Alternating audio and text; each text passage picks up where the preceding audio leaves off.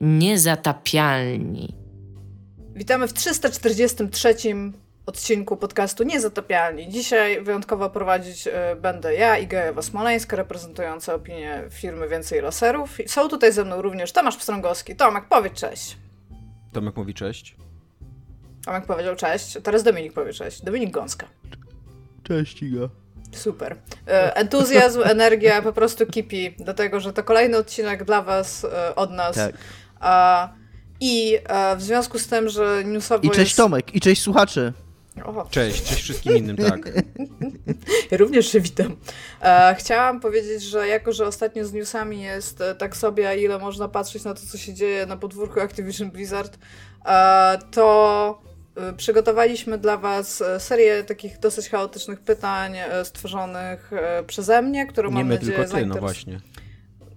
Tak, ale my przygotowaliśmy, nie, bo to nie, było nie, z nie, Tomka. Dominik siedział i się patrzył. Więc jakby też był wspólny ja temu. Przygotowałem odpowiedzi, więc. No, widzisz, wszyscy są całość została przygotowana wspólnie. Dobrze, i, e, i mamy nadzieję, mam że. Nadzieję, będzie... Swoją drogą, mam nadzieję właśnie, że słuchacze interesują zarówno pytania, jak i odpowiedzi. Gdyby po prostu ich odcinek polegał na tym, że czytamy pytania, to mógłby być mało interesujący. Nie wiem, ja jestem w stanie przygotować trochę takich pytań, które po prostu nie wymagają czy odpowiedzi. Czy ty będziesz odpowiadał na pytania Igi, czy ty będziesz odpowiadał na zupełnie inne pytania? To się jeszcze okaże. A, więc tak, więc e, moim pierwszym pytaniem, to jest bardzo zaskakujące pytanie, jest pytanie do Tomasza Pstrągowskiego. Tomku, co jest u ciebie grane? E, u mnie, e, droga Igo, jest e, czytana, została przeczytana książka Imperium Chmur Jacka Dukaja, więc może zainteresuje to Dominika który właśnie ziewnął, e, więc może też nie zainteresuje Dominika. Jakby. Nie, no interesuje mnie to, interesuje mnie to. Ziewam, ponieważ miałem ciężką noc Bo pamiętam, że ty kiedyś y, lubiłeś Jacka Dukaja i, i jakiś tam sposób on cię stymulował i czytałeś go. I tak, tak. Czarne Oceany chyba, tak? To była twoja ukochana książka tak, jego, chyba nie? tak. Chyba tak. E, tak, szczególnie więc... z perspektywy e, Wydaje więc... mi się, że się najlepiej zestarzała, tak z y, intuicją mi podpowiada. E, więc e, wyszła e, jego powieść Imperium Chmur. Ona wyszła w 2020 roku, ale widzę teraz jakieś dziwne, że, to, że ona wyszła już wcześniej jako mikropowieść opublikowana w antologii Inne Światy w 2018 roku. No ale w każdym razie, nawet jeżeli wyszła najpierw w 2018 roku, to ja wtedy o niej nie słyszałem, ale to i tak jest jego ostatnia powieść, bo poprzednia wyszła w 2015. Um, I e, jest to krótka powieść, co Igę powinno co, co, ucieszyć. Co to znaczy? Czy mikropowieść zostało po prostu tak użyte, y, że jakby w tym artykule, który przeczytałeś, czy to jest autentycznie rzecz, mikropowieść? Nie, to jest na, na prostu patrzę na Wikipedię. Jest coś takiego jak mikropowieść, ale mikropowieść to jest po prostu krótka powieść. Jakby w Polsce... Y, Czyli nie nowela, tylko wielowątkowa, ale po prostu bardzo krótka, tak? W Polsce y, w ogóle w filologii polskiej jakby jest bardzo płynna granica pomiędzy opowiadaniem a powieścią. Jakby to y, ten rant Dominika na temat nazywania Blade Runnera opowiadaniem powieścią polega... E, ja, ja, ja, zawsze jestem trochę na boku, z boku tego rantu, bo w języku polskim jest niewielka różnica pomiędzy tym. Jakby opowiadanie jest krótką powieścią, a powieść jest długim opowiadaniem, nie? Nie. Y możesz sobie mieć doktorat z filologii, ja to w dupie. Jakby nowela, nowela to nowela, nowela to jest zupełnie inny. E, to jest jednowątkowy po pierwsze. Tak, nie? jednowątkowy i bardzo z tezą i tak dalej. A opowiadanie to jest już taki, mm, taka jakby próba e, jakiegoś takiego wielowątkowego budowania świata i z różnorodnymi bohaterami i, i niekoniecznie właśnie z jakimś takim jasnym finałem i, i morałem i tak dalej. No i ona może być dłuższa albo krótsza, nie? Więc mikropowieść to mi się wydaje po prostu jakieś bardziej takie nazewnictwo wydawnictwa niż filologów, co nie? Po prostu krótka powieść, coś takiego, nie wiem, tam 100 tysięcy znaków powiedzmy? Ja mogę się zgadzać z tobą co do faktu, że nie jest wielka różnica pomiędzy opowiadaniem i powieścią i że jest to dosyć uznaniowe. Natomiast, mając to wszystko w głowie, yy, czy androidy marzą, czy tam śnią o elektrycznych owcach, to z całą pewnością i kategorycznie nie jest opowiadanie. No dobrze, ale pomiędzy no. tym wszystkim, pomiędzy opowiadaniem powieścią, teraz jeszcze się wkradła mikropowieść. Tak, w każdym razie to ma, y, dziwne, to jest, że to jest mikropowieść, bo to nie jest mikropowieść, ja ją tam czytałem kilka dni. E, to ma 250 stron, a na czytniku miało 188, więc tak, tam legitna książka do przeczytania w kilka dni, co nie? Mhm. Można, jak się skupisz, to można ją w, jedną dzień, w jeden dzień przeczytać, ale to jak dobrze czytasz, to i 500 stron możesz w jeden dzień przeczytać. Um, I jest to książka o tyle interesująca, dlatego po nią sięgnąłem, że ma bardzo ciekawy koncept na samym początku, bo jest to um, spin-off lalki Bolesława Prusa, e, a jednocześnie książka o Japonii. E, więc w ogóle double U, co nie? E, bo jest to książka o tym, że Wokulski i mm, wyemigrował z Polski okay. po lalce e, do Azji i podpisał taki tajny traktat z mm, cesarstwem, znaczy z cesarzem japońskim na temat tego, że jakby dostarczy cesarstwu technologię tego metalu lżejszego niż powietrze, o którym była mowa w lalce, że tam mm, Ochocki się tym zajmował i ten jego profesor z Paryża, taki, taki mistrz. I jakby dzięki temu, mm, dzięki temu e, Japonia wkroczy na drogę modernizacji i jakby będzie miała flotę statków powietrznych, które pozwolą jej konkurować z imperiami XIX-wiecznymi, a z kolei e, mm, Polacy, czyli Wokulski i Ochocki, bo Wokulski gdzieś tam krąży po Azji, a Ochocki jest tym człowiekiem takim on grant, który, który, który mm, jest w Japonii i jakby nadzoruje produkcję tych statków i tego metalu i tak dalej. E, a oni y, dostają takie przyrzeczenie od cesarza, że e, będzie prowadzona przez Japonię wojna z Rosją, co osłabi Rosję po stronie europejskiej i co ma niby doprowadzić do mm, takiego otwarcia takiej możliwości na niepodległość Polski znowu, co nie na, na jakieś powstanie udane czy coś takiego, co nie.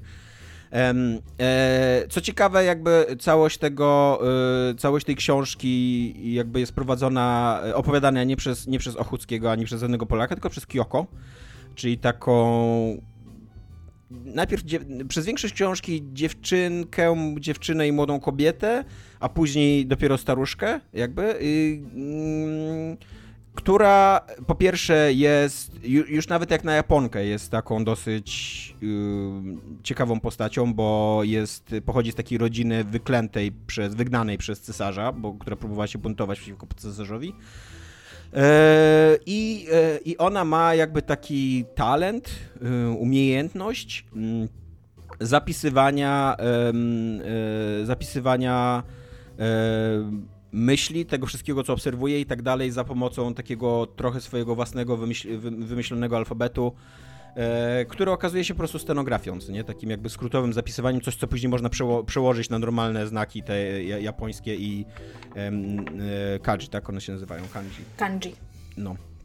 I normalnie można to zapisać, tylko e, e jakby e, cała ta książka, z jednej strony ona jest bardzo ciekawa, tak pod względem właśnie takim historycznym i alternatywnej rzeczywistości i, e, i tego jakby jak mogłaby się ułożyć historia, pod, jakby gdyby, gdyby istniało coś takiego jak metal e, lżejszy od powietrza i, i autentycznie można by było jakieś latające statki tworzyć i, i jakaś taka flota powietrzna w XIX e, wieku włączyłaby się w te wojny imperialne. E, tylko, że to wszystko jest zupełnie na marginesie tej książki. Ona jest pisana takim językiem symulującym, udającym japońską poezję, e, haiku. E, przez co jest dosyć trudne do czytania, ale jest to, jest to ciekawe, bo to są, to są często takie z, złączenia dwóch różnych obrazów, e, rzeczowników obok siebie, które mają wywołać dopiero jakieś, jakieś wrażenie, mają przynieść jakieś skojarzenie, więc tak naprawdę trochę Dukaj ma tutaj taki zamysł, żeby ten um, obraz tej książki tworzył się w, w warstwie takiej skojarzeń, e, poszukiwania jakichś znaczeń, żeby to było trochę ruchome i żeby to jakby ciężar tej, tego tworzenia świata przenieść bardziej do głowy czytelnika, co nie? Żeby to każdy sobie jakby przywoływał jakieś skojarzenia i, i budował tak jak właśnie... Mm, haiku się buduje, tak jak, tak jak haiku próbuje budować właśnie takie ulot, ulotność takich skojarzeń, nie takich, takich chwil. E, ja nie jestem ekspertem od haiku, nie wiem jak mu to wyszło jakby tak pod względem um, poetyckim. Podejrzewam, że jak wszystkie próby tłumaczenia haiku na, zachodni, na zachodnie języki, kiedyś o tym czytałem, e, na przykład Czesław Miłosz był takim polskim specjalistą tłumaczenia haiku i podejrzewam, że wszystkie, y, jakby, że, że wyszło mu to dosyć drętwo, bo wszystkie one podobno wychodzą drętwo, podobno uchwycenie takiej prawdziwej um, istoty haiku ja jest mogę niemożliwe. przytoczyć jeden z moich ulubionych haiku tutaj? Śmiało. Na pewno? No nie ma wyjścia już. Taki samotny. Czyżby wśród wróbli nawet były sieroty? Uważam, że to nie jest drętwe. Podobno haiku y, jakby w języku japońskim, zwłaszcza w zapisie japońskim, co nie, gdzie znaki bywają wieloznaczne i gdzie... e, Oczywiście, że to traci bardzo dużo tak. na tych, ale ja akurat bardzo, bardzo, bardzo długo, bo chyba przez 3 albo 4 lata, ja mam mnóstwo tomów haiku w domu.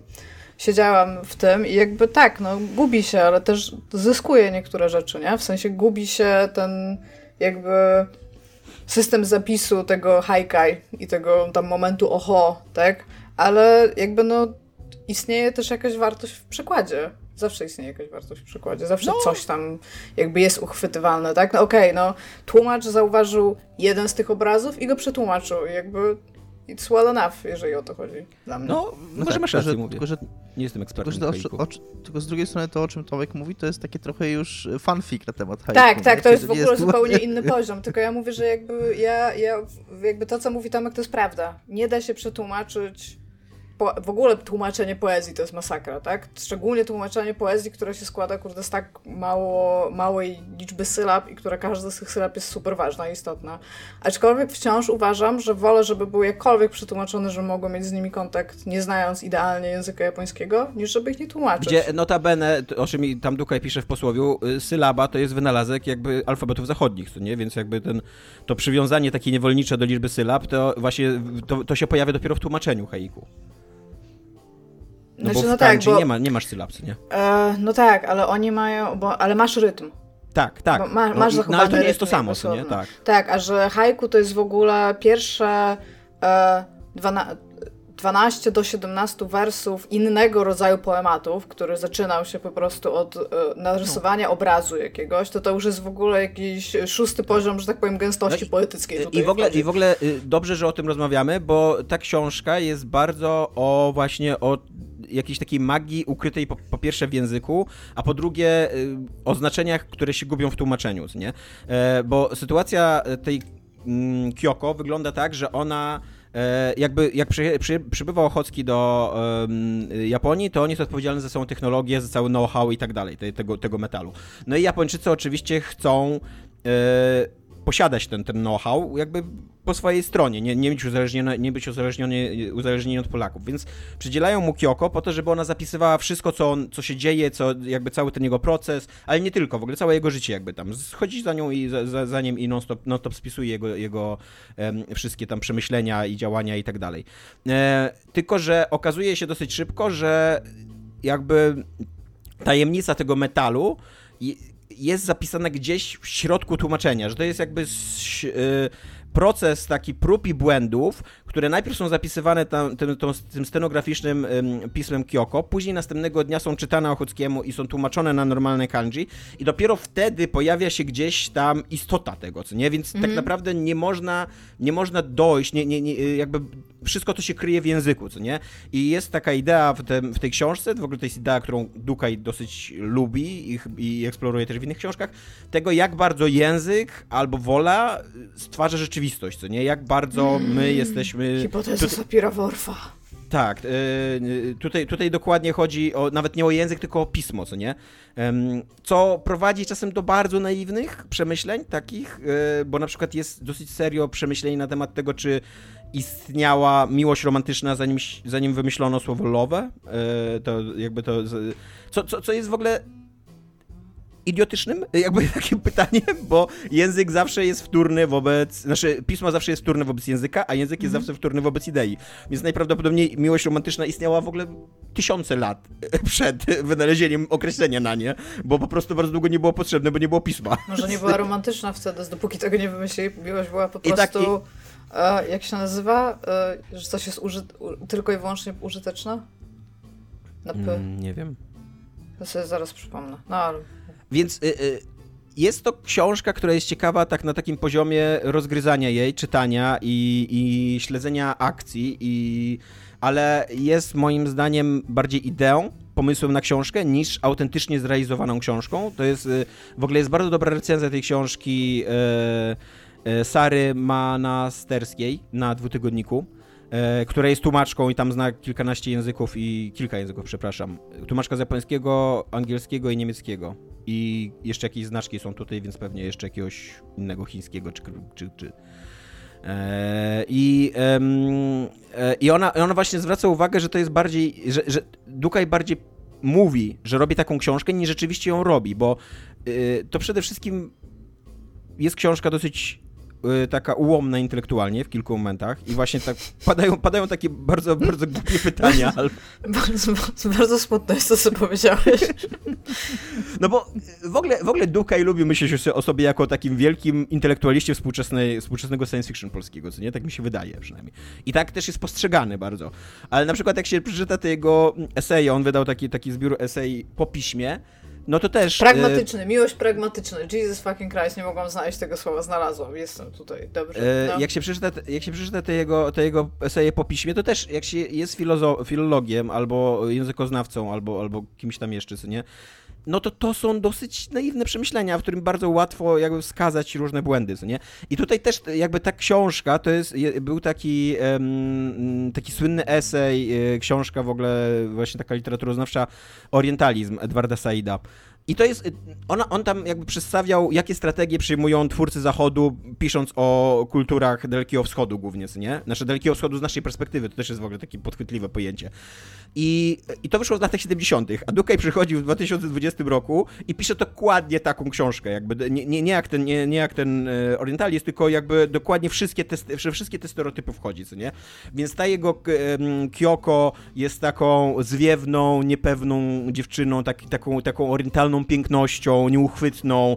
Właśnie przede wszystkim to w ogóle nie jest y, istota z krwi i kości, to w ogóle nie jest postać taka żyjąca, tylko to jest taka, bardziej taka idealna postać, nie taka, mhm. Taka jakaś zwiewna, nieuchwytna, niemożliwa do zdefiniowania, e, właśnie taka orientalna dzieweczka, co to tutaj zapisuje tajemnicze znaki. E, i, i nie do końca wiadomo, co z nią zrobić i, i jakby jak ją, jak ją opisać i, i, i tak dalej, co nie? E, no jakby jest może to być szokujące dla wielu ludzi, mi się wydaje, ale Japończycy są ludzie, jakby mają normal, jakby to no. są, są, są, dosyć normalni, mają swoje cechy charakteru, mają swoje ambicje, jakby na przykład nie jest prawdą, że Japończycy nie znają pojęcia miłości romantycznej. Znają, tylko po prostu z kulturowych powodów i, i różnych e, społecznych e, rzadziej, rzadziej u nich dochodziło do małżeństw romantycznych, ale w, jakby w, w, Europie w XIX wieku też dosyć, dosyć rzadko dochodziło do małżeństw, do związków zawieranych z powodów romantycznych, nie? Tak? E, Tomasz, ja tak sobie tylko taką mam myśl na marginesie, że a propos tego, że Dukaj nie wie, co zrobić z tą e, Kyoko swoją zwiewną, że przynajmniej dobrze, że nie jest Pilipiukiem albo Ziemkiewiczem, tak, bo tak. Oni, by wiedzieli, oni by wiedzieli, co z nią zrobić i... Tak, to prawda. ale wiesz, ale e, e, mnóstwo jest tu takich stereotypów na temat, e, jakby wszyscy, przede wszystkim wszyscy mówią o Japończykach. I Japończycy mówią o Japończykach, i Chińczycy mówią o Japończykach, i am, Polacy, i Anglicy, i tak dalej. Wszyscy mają, jest, no. wszyscy mają swój taki pogląd, że istnieje coś takiego jak prawdziwy Japończyk i jak, jak ten prawdziwy Japończyk wygląda, co nie? Jakby taki jakby stereotyp wcielony, co nie? E, e, niestety też wielu tych Japończyków tak wygląda, bo tutaj to jest w ogóle bardziej zarzut do całej tej książki, że Dukaj w ogóle tu nie tworzy żadnej mięsistej postaci. To wszystko są idee na postaci, to wszystko są takie ulotne impresje. Y, y, być może wynika to z tego, jak on chciał napisać tą książkę, ale no jakby no jest to konsekwencja jakiejś decyzji artystycznej i prowadzi to do tego, że to po prostu nie jest książka o ludziach, tylko jest to książka o idei ludzi, o jakichś takich e, postaciach, które tak naprawdę nie są ludźmi, tylko są jakąś taką, jakimś takim pomysłem na siebie, nie takim, takim duchem zwiewnym. Eee, I tak samo zresztą jest, jest z, z tymi polskimi wątkami, bo tutaj Dukaj próbuje kontynuować, odwoływać się do lalki, E, jakby, bo, bo ciągnie, ciągnie dalej losy bohaterów lalki, tylko że to jest takie najbardziej wulgarne, stereotypowe odczytanie lalki, jaki istnieje, czyli ten konflikt pomiędzy pozytywizmem i romantyzmem. Jest tam dwóch braci bliźniaków i zgadnijcie, co oni, jaką rolę Jeden jest romantyczny, a drugi jest e, już postromantyczny. No coś ty. Skąd wiedziałaś? Też jest na postytach filologicznych. tak, i, i więc, więc jest to takie Jest taki wulgarne moment w tym filmie, jak to się nazywa? Nicolas Cage, Nicolas Cage, adaptacja? Co on, przy- ten, co ten jego brat bliźniak właśnie przychodzi z tego kursu tam scenopisarstwa i mówi, że wymyśliłem taki, taką scenę, że jedni się gonią na motocyklach, a drugi na koniach, wiesz, natura kon, kon, kontra technologia i to jest mniej więcej to, co ty mówisz teraz, Tomek. Natura versus technologia i tam I- motors, motorcycle e- versus horse. I jeszcze właśnie to, co, to, co, to, co robi, to, co robi Duka i co mnie strasznie irytuje, to jest to, że on używa języka japońskiego po to, żeby e, orientalizować w ogóle całą japońszczyznę i ca, ca, całą Japonię, żeby, żeby nadawać takiego, takiego charakteru, że o, to jest takie tajemnicze, takie magiczne, takie niezrozumiałe, takie terefere, co nie? Czy No nie, używa jak słowa napisz- hentai? Jak napiszesz piecyk po japońsku, to to nadal jest piecyk, tylko napisany w języku, którego nie znasz i zmuszysz po prostu czytelnika, żeby on poszedł na koniec strony, zobaczył słownik, aha, chodziło o piecyk. To, nie, to nie jest magia, to nie jest nieuchwytne i tak dalej. I, I też chciałbym jakby podkreślić, że inne kultury nie są magiczne i właśnie nieuchwytne. Te, jakby wyszliśmy już chyba, tak mi się wydaje, z tego takiego są, wiesz, XIX-wiecznej etnografii, co nie, gdzie właśnie się poznawało jakiś taki o mój Boże, ci dzicy, oni nigdy nie będą zrozumieli, zrozumiali nas. Tak, tylko ale wiesz, bo to, to, to, bo to też pokazujesz taki, taki problem, bo na przykład e, chcąc pokazać jakąś tam głę- głębię kulturową, to na przykład pokazujesz słowa, które nie istnieją u nas, tak? Bardzo często tam na przykład z, z niemieckiego coś jest zapożyczane, z francuskiego, z angielskiego, po prostu nie mamy słów.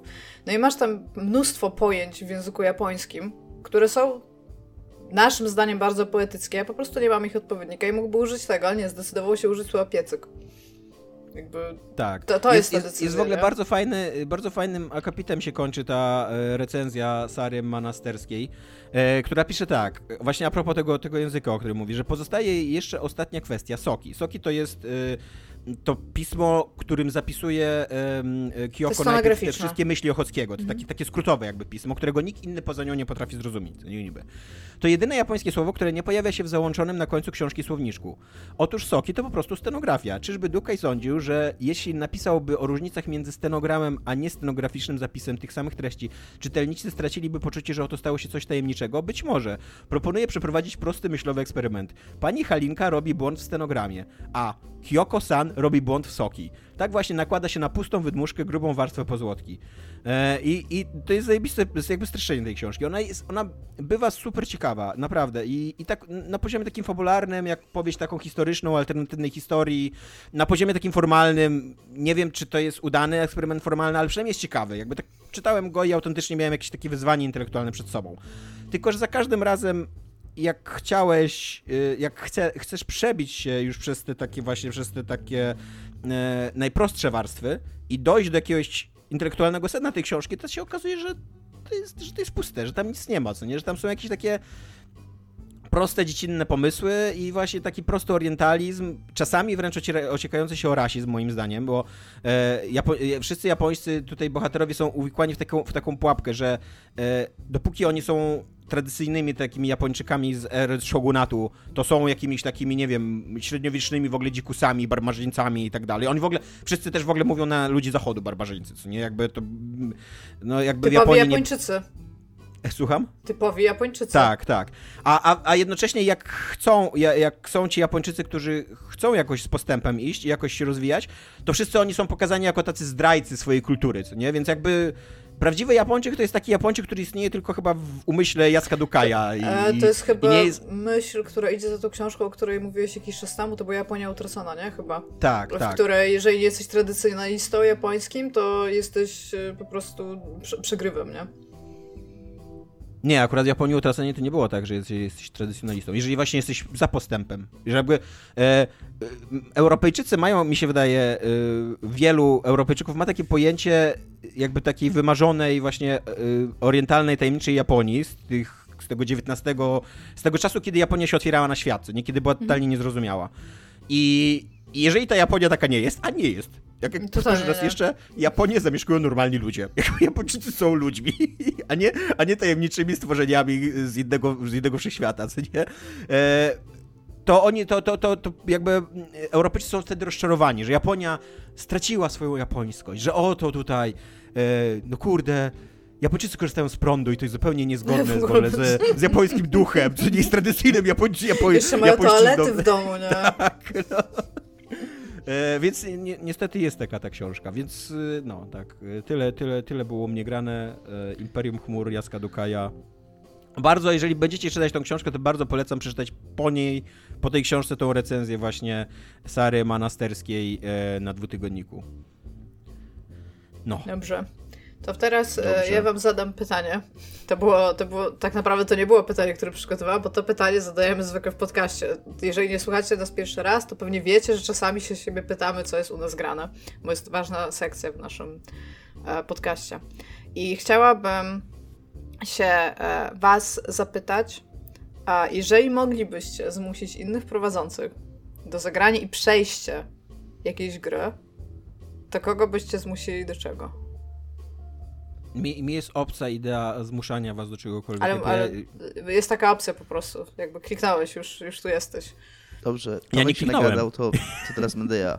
Mhm. E, tak, ja, ja w ogóle miałem takie, jak myślałem o tym pytaniu, to takie miałem dwutorowe myślenie. Po pierwsze, y, tak zmusił, ale w sensie wbrew komuś. No. Ja na przykład długo żyłem w przeświadczeniu, że Tomek na maksa musi zagrać w Slay Spire, bo to jest bardzo systemowa, bardzo ciekawa Tomek gra. Spire.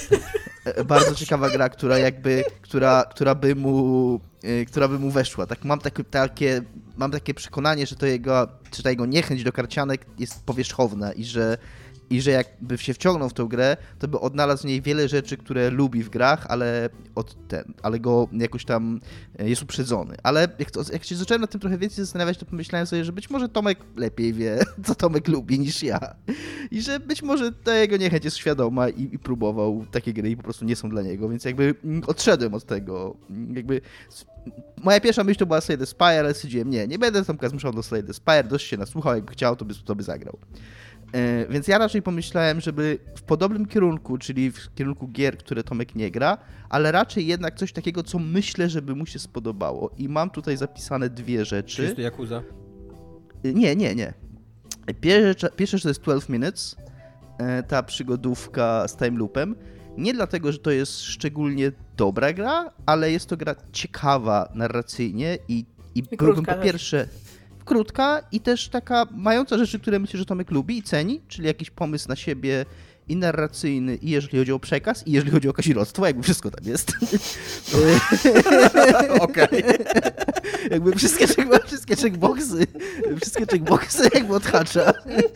E, I byłbym, byłbym po pierwsze ciekaw, e, co Tomek powie o tej historii i byłbym bardzo ciekaw jego interpretacji tej historii, bo to jest historia, która e, się daje interpretować. To, to nie jest jasny, prosty. Ona tam odlatuje w pewnym momencie i jest być może trochę e, pretensjonalna i być może trochę bełkotliwa, ale z drugiej strony takie spojrzenie Tomasza, filologa, e, na to byłoby, myślę, ciekawe i też myślę, że mógłby mieć jakąś tam frajdę dla siebie z, z tej gry. E, a druga rzecz, którą mam zapisaną, to w sumie jest karcianka, ale nie jest to Slay Despair, to Griftlands. I tutaj myślę, że yy, to jest klej, po pierwsze. Po drugie, to jest gra mocno fabularna i to jest gra, w którą, mm, która nie ma takiego. Ona jest karciankowa, ale nie jest taka mocno mm, jak Slade Spire czy jak Monster Train, na to powtarzanie, na to robienie buildów. Ona raczej się sama trochę przechodzi.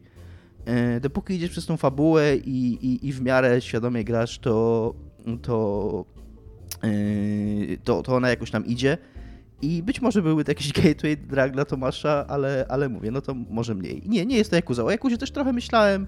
Myślałem też trochę, żeby cię przekonywać do... Już nie, teraz nie pamiętam do czego.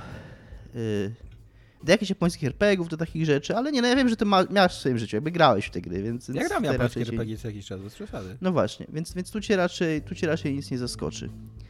Yy, więc tak, Slay the Spire jakbym chciał być złośliwy dla Tomka, yy, a tak szczerze to chyba głównie... Grifflands tak pomiędzy, a tak szczerze to chyba to 12 Minutes. Byłbym, byłbym ciekaw i myślę, że miałbyś z tego jakąś frajdę. Z Igą miałem dużo, dużo trudniej, bo Iga wydaje mi się ogólnie gra więcej Babo. niż Tomek. Iga jest w ogóle takim growym shopem praczem i po prostu jeść tak. wszystko jakby. Jestem, nie? tak. A nawet jak sama nie gra, to ma jeszcze to, Tomka 3, który, który jest jeszcze jej oknem na kolejne spektrum gier, w które sama nie gra. Yy, więc yy, i tutaj będzie Yakuza z kolei. Yy, wpisałem tu jednak Idze Like a Dragon. Wiem, że widziałaś tę grę, bo Tomasz nie grał, ale uważam, że każdy z nas Przechodziłam też prawie wszystkie minigierki. No to, było, to jest że moja rola w tym domu. Że każdy z nas potrzebuje Ichibana w naszym życiu i i chciał, żeby Iga spędziła. Szczególnie, że pomyślałem o tym dlatego, że Owsiany teraz gra w Like a Dragon i jest to dla mnie z jakiegoś powodu powodem takiej wielkiej radości i satysfakcji. Jakby cieszy mnie to, że, że gra w tą grę i pomyślałem sobie, że Iga również mogłaby spędzić te 50 godzin czy 60 z Ichibanem, szczególnie, że e, też e, grałaś w Judgment i wiem, że też cenisz w pewnym sensie te gry i te historie i ich szaleństwo, które one proponują no to to, co się dzieje na koniec Like a Dragon, naprawdę, ja chcę z kimś o tym pogadać i, i cieszę się, mam nadzieję, że Owsiany przejdzie to. ja, ja, słyszałam, że ta końcówka jest o tyle bardziej znacząca, jeżeli grałeś we wcześniejszej części Yakuza. W sensie, jeżeli nie masz... Do końca. Nie jest tak? Okej. Okay. Bo nie, wiem, że tam, znaczy, że jeżeli tam... internalizujesz pewne rzeczy z wcześniejszych części, to to jest taki fajny payoff. Jakby tam jest trochę, w sensie no pojawiają się pewne postacie i pewne wątki ze starych części, ale nawet powierzchownie znając tą serię, zakumasz o co mhm. chodzi. Ale nie, chodzi. Mm, Inte jakby w, sama w sobie yy, yy, ta fabuła naprawdę idzie w dosyć zwariowane miejsca i tam ten, ten payoff tej całej historii Ichibana też jest y, tak dramatyczny. Tylko, że tak... ja też wiem, co tam się stało, więc znaczy ja nie mam z tym żadnego problemu mm. e, i ja nawet myślałam o tym, żeby przechodzić tutaj, mogę ci zrobić taki spoiler, nawet myślałam o tym, żeby sobie przejść te y, Like a Dragon właśnie, bo Zero mi nie siadła. A, aczkolwiek jeszcze zbyt mocno pamiętam fabułę. W sensie mm. jeszcze zbyt mocno pamiętam sidequesty, takie ten. I zrobiłam sobie chwilę przerwy i wtedy do tego usiadła. Ale ta, czy, gra, okay. ta gra jest amazing po prostu. Jest naprawdę i ja tak teraz. Jeżeli możesz tak mieć bezdomnego w swoim teamie, tak. który jest magiem i jego e, atakiem jest rzucanie e, tych okruchów na ludzi i przylatują gołębie i to jest jego czar, to po prostu jestem, ja, ja, już w tym momencie byłam tak mocno kupiona, że już chyba bardzo mocno mnie nie można było kupić. Tak, ale przy okazji mówię, jest, jest no tam się dzieją rzeczy też systemowo, bo tam system jobów później wskakuje, mhm. możesz zmieniać profesję tym postaciom. Więc to jest ogólnie to jest ogólnie naprawdę dobra gra i, i, bardzo się teraz cieszę, że jestem tak mocno w Jakuzie, bo mam teraz dwie serie Jakuzowe w ogóle, które kocham. E, ale to tak na marginesie, jeszcze będę o Jakuzie mówił w tym odcinku.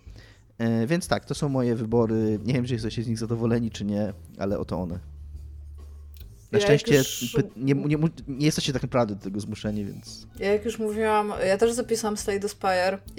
Czy to złośliwe, czy Tomkowi. Czy to złośliwe, czy niezłośliwe. To jest naprawdę dobra gra, w którą się szybko idzie tak. wkręcić i ona daje bardzo dużo, bardzo szybko daje jakby taki loop, w którym się po prostu gra i się nie myśli o tym, że to jest karcianka po prostu.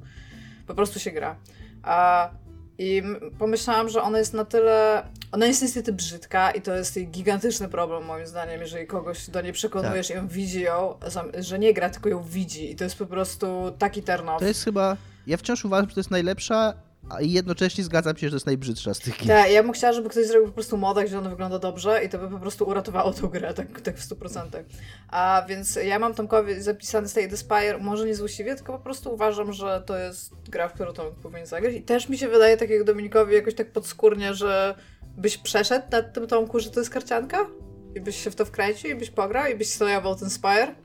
You know? E, ja mam, taką jeszcze, ja mam takie jeszcze skojarzenie z The Spire, jednak gadamy o tym, E, jednak wkręcamy w to Tomka siłą, wpychamy go tam. Nie, nie uda wam się mnie wkręcić w to. Była ta gra, była ta gra mm, Star Renegades. Ona jest bardzo podobna do Slay the Spire, tak jeśli chodzi o system. Pomijając to, że nie ma tam kart, ale jeżeli poradziłeś sobie z tym analizowaniem tych wszystkich ataków i tego, co się tam dzieje mm, podczas tej walki w Star Renegades, no to Slay the Spire nie jest bardziej skomplikowane. Więc tylko tak chciałem Raczej e... nigdy nie chcę tutaj wyjść na jakiegoś y, chełpiącego się, ale raczej nigdy nie podejrzewałem, że y, karcianki mnie przerastają intelektualnie. Nie, nie, to jest, nie, nie to jest e, źródło mojej niechęci do karcianek. No to już, Ta, już. Nie, nie, rozumiem. A, dla Dominika a, to jest tak po części złośliwie, ale po części, bo tutaj bardzo ważne jest, żeby ukończył w sensie Okej. ten tytuł nie tylko zagrał. I mam Undertale, bo wiem, że tego nie lubisz, ale sądzę, że literally ta gra pod koniec się już robi tak fucking dobra i te wszystkie walki, w sensie te y, minigierki, które są podczas walk i muza, która tam jest, jest po prostu fenomenalnie dobra. A, aczkolwiek e, wiem, że nienawidzisz tej gry, bo się nie znasz po prostu, ale to do tego, że jesteś typem, a typi, jak wiemy, wszyscy chłopaki nie potrafią Mhm. grać w gry. A więc jakby zostawiam, zostawiam ci po prostu tutaj, ale sądzę, że po prostu jakbyś, jak już byś przeszedł jakiś taki moment, który cię irytował, powiedzmy, to byś się wkręcił i byś się po prostu usiadł i przeszedł, bo ona też nie jest długa, nie? Więc to też taki to. Więc mam tutaj Undertale. I oddaję głos do Tomasza. Halo, halo Tomaszu. Ja e, dla Igi nie mam żadnej, żadnej gry, bo... Myślałam, że wszyscy jest- dacie mi Oxenfree. Myślałam, centralnie myślałam, że wszyscy mi dacie Oxenfree. Ja już się pogodziłem, że ty nie przejdziesz Oxenfree nigdy, więc jakby... Oxenfree 2 niedługo będzie, więc może do, do tego usiądziesz. Może, może, no. Poczekam, aż będzie trylogia. Nie no, ale Iga, ty jesteś szapem praczem, ty po prostu żresz wszystko i grasz we wszystko i jakby ciężko powiedzieć cokolwiek, żeby się żeby zagra. Natomiast Dominik, z tego co mi się, e, co ja kojarzę, nie wiem czy dobrze pamiętam czy nie, ale ty nie skończyłeś Hellblade'a. Skończyłem. Skończyłeś? Przecież nawet, mieliśmy nawet dyskusję na temat e, końcówki, która robi coś, co robi też e, Shadow of the Colossus i co ja uważam, że Shadow of the Colossus robi dużo lepiej, czyli ten moment, kiedy musisz odpuścić e, walkę. To jest sam koniec tej gry. Aha, no dobra. No to w takim razie nic, nic nie mam do powiedzenia. Chciałem, żeby Dominik skończył Hellblade'a, bo myślałem, Czyli nie masz ani nic dla mnie, ani nic dla Dominika. Nie. Ale Wow. przyjaciel. No właśnie, teraz nie wiem, bo, bo ja to zrobiłem trochę złośliwe, Dominik to zrobił tak bardzo z serca, a Tomek nic nie zrobił. Teraz nie wiem, czy, Nie, ja- czy to ja dobrze po czy źle. Kocham was takimi, jakimi jesteście i grajcie w co chcecie grać i... Nawet w moje śmieciowe gierki. Nie, Ja jestem za nie iteracją, jakby bez przesady. Nie, nie. ja jestem za iteracją gier do, do momentu, aż nie są już grami, tylko są czymś zupełnie innym i wtedy jestem najbardziej szczęśliwa. Ja może, może spróbuję to Undertale jeszcze, tylko że ja do tej gry podchodziłem ze 3 czy 4 razy i za każdym razem podchodziłem do niej od początku, więc jak teraz myślę o tej kuna pani krowie, żeby znowu z nią gadać przez kuna pierwszą godzinę i tych szkieletach, które próbują być takie śmieszne, a kuna nie cholery nie Ja mam są. pytanie do Dominika spoza listy No. pytań. Dominik, czy ty widziałeś kiedyś krowę oczami? No nie Bo jeżeli ona by miała pani, być no. jakimkolwiek zwrotkiem, to ona by pewnie była kozą, ale you do you, stary. No mi się kojarzy, że to krowa, no nie wiem.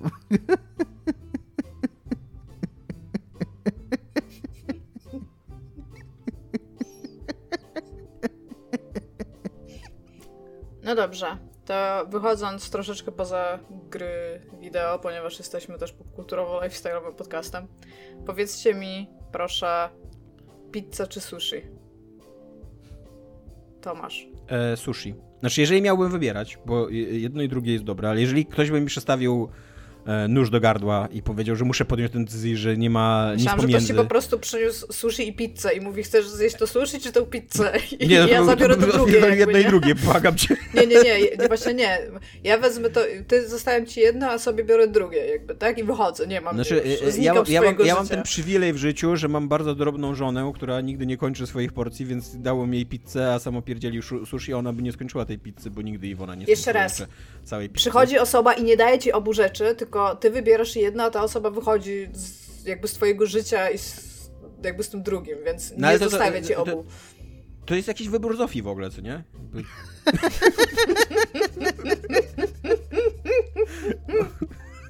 Zjadłbyś sushi w każdym razie. Nie, zjadłem sushi, pizzę. tak. Jakby y, wolę, wolę sushi, jest lżejsze, jest, y, ma bardziej bogaty taki smak i, i Mhm. taki dziwniejszy i faktura tego jedzenia jest jakaś Też się ciekawsza. dłużej je, prawda? Mam takie tak, wrażenie. tak. y, no i, i tyle, jakby to jest moja odpowiedź, no. Dominik? Ja mam inną odpowiedź e, i też inaczej Hmm. zrozumiałem to pytanie. Inaczej zrozumiałem to pytanie. nie? Ja rozumiem to pytanie, pytanie na zasadzie gdybym miał jeść coś do końca życia. Wow! Dominik Dominik odpowiada na inne pytanie, że zostało zadane, tak. I miałoby to być jedno, jedno jedzenie, to zdecydowanie pizza. Jednak ja lubię sushi, ale sushi lubię jako mm, taką ciekawostkę. nie jestem, na przykład nie wyobrażam sobie, żeby jeść regularnie, nie wiem, sushi raz w tygodniu na obiad. To jest dla mnie taki raczej, jak to jem e, raz na jakiś czas, e, to to jest spoko, ale nie jestem jakimś super fanem tego jedzenia. Ono jest dla mnie takim fajnym przerywnikiem, że, że ten, ale ja na przykład nie za bardzo czuję smak w sushi, niestety. I przepraszam, ale muszę się do tego przyznać.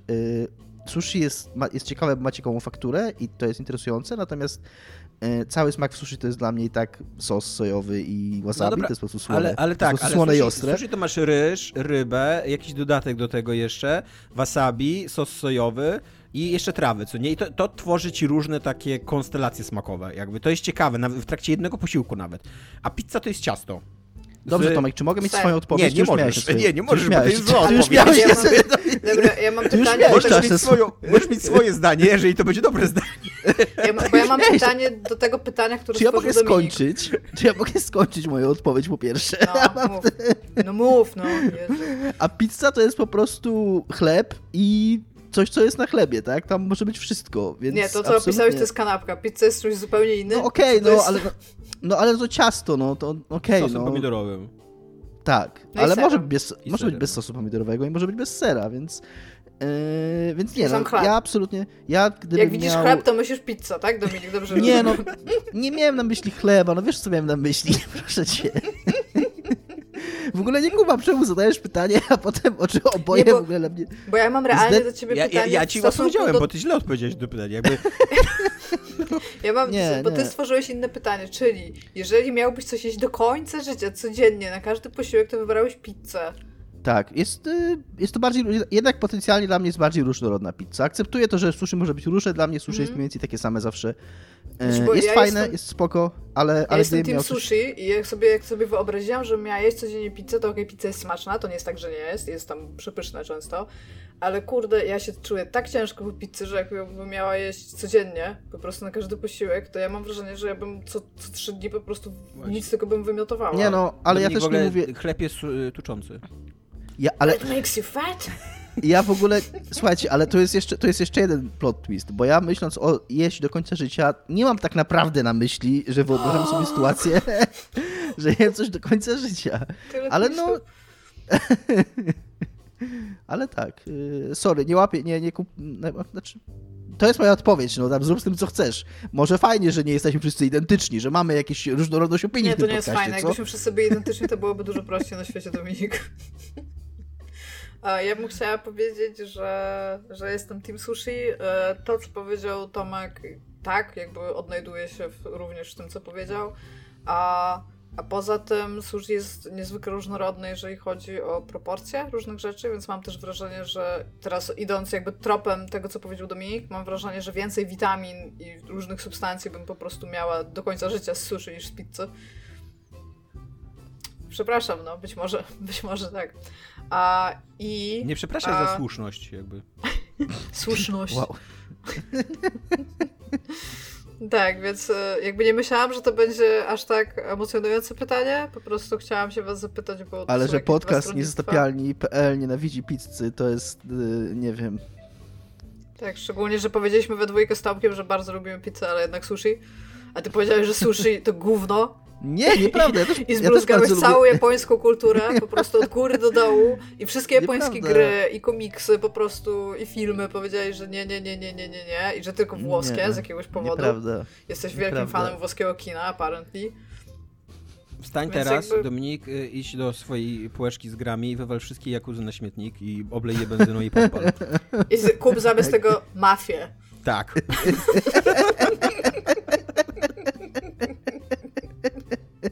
To się teraz dzieje.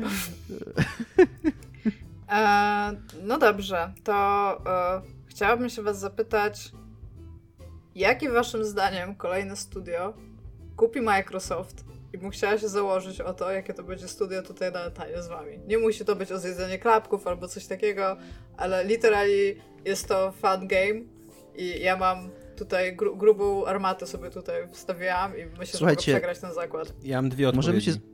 Ja mam propozycję co do mm, przedmiotu zakładu. Możemy się założyć o sushi albo pizzę. Ci którzy, wybra... ci, którzy wybrali sushi, dostaną sushi, a ci, którzy wybrali pizzę, dostaną pizzę. Ale, ale jakby... Czyli, że jedna osoba wygrywa, a dwie pozostałe się zrzucają na pizzę, tak? Tak, tak. Albo Czyli na Dominik wygra, tak? Albo na sushi, What no the nie no, fuck? niekoniecznie, No, no. Okej, Nie no, na Dobra. dwie osoby... Dobra. dobra. Jeż- Jeżeli No, nas e, zgadnie. ale teraz pytanie, jeżeli mamy na przykład te same odpowiedzi, co nie? To co?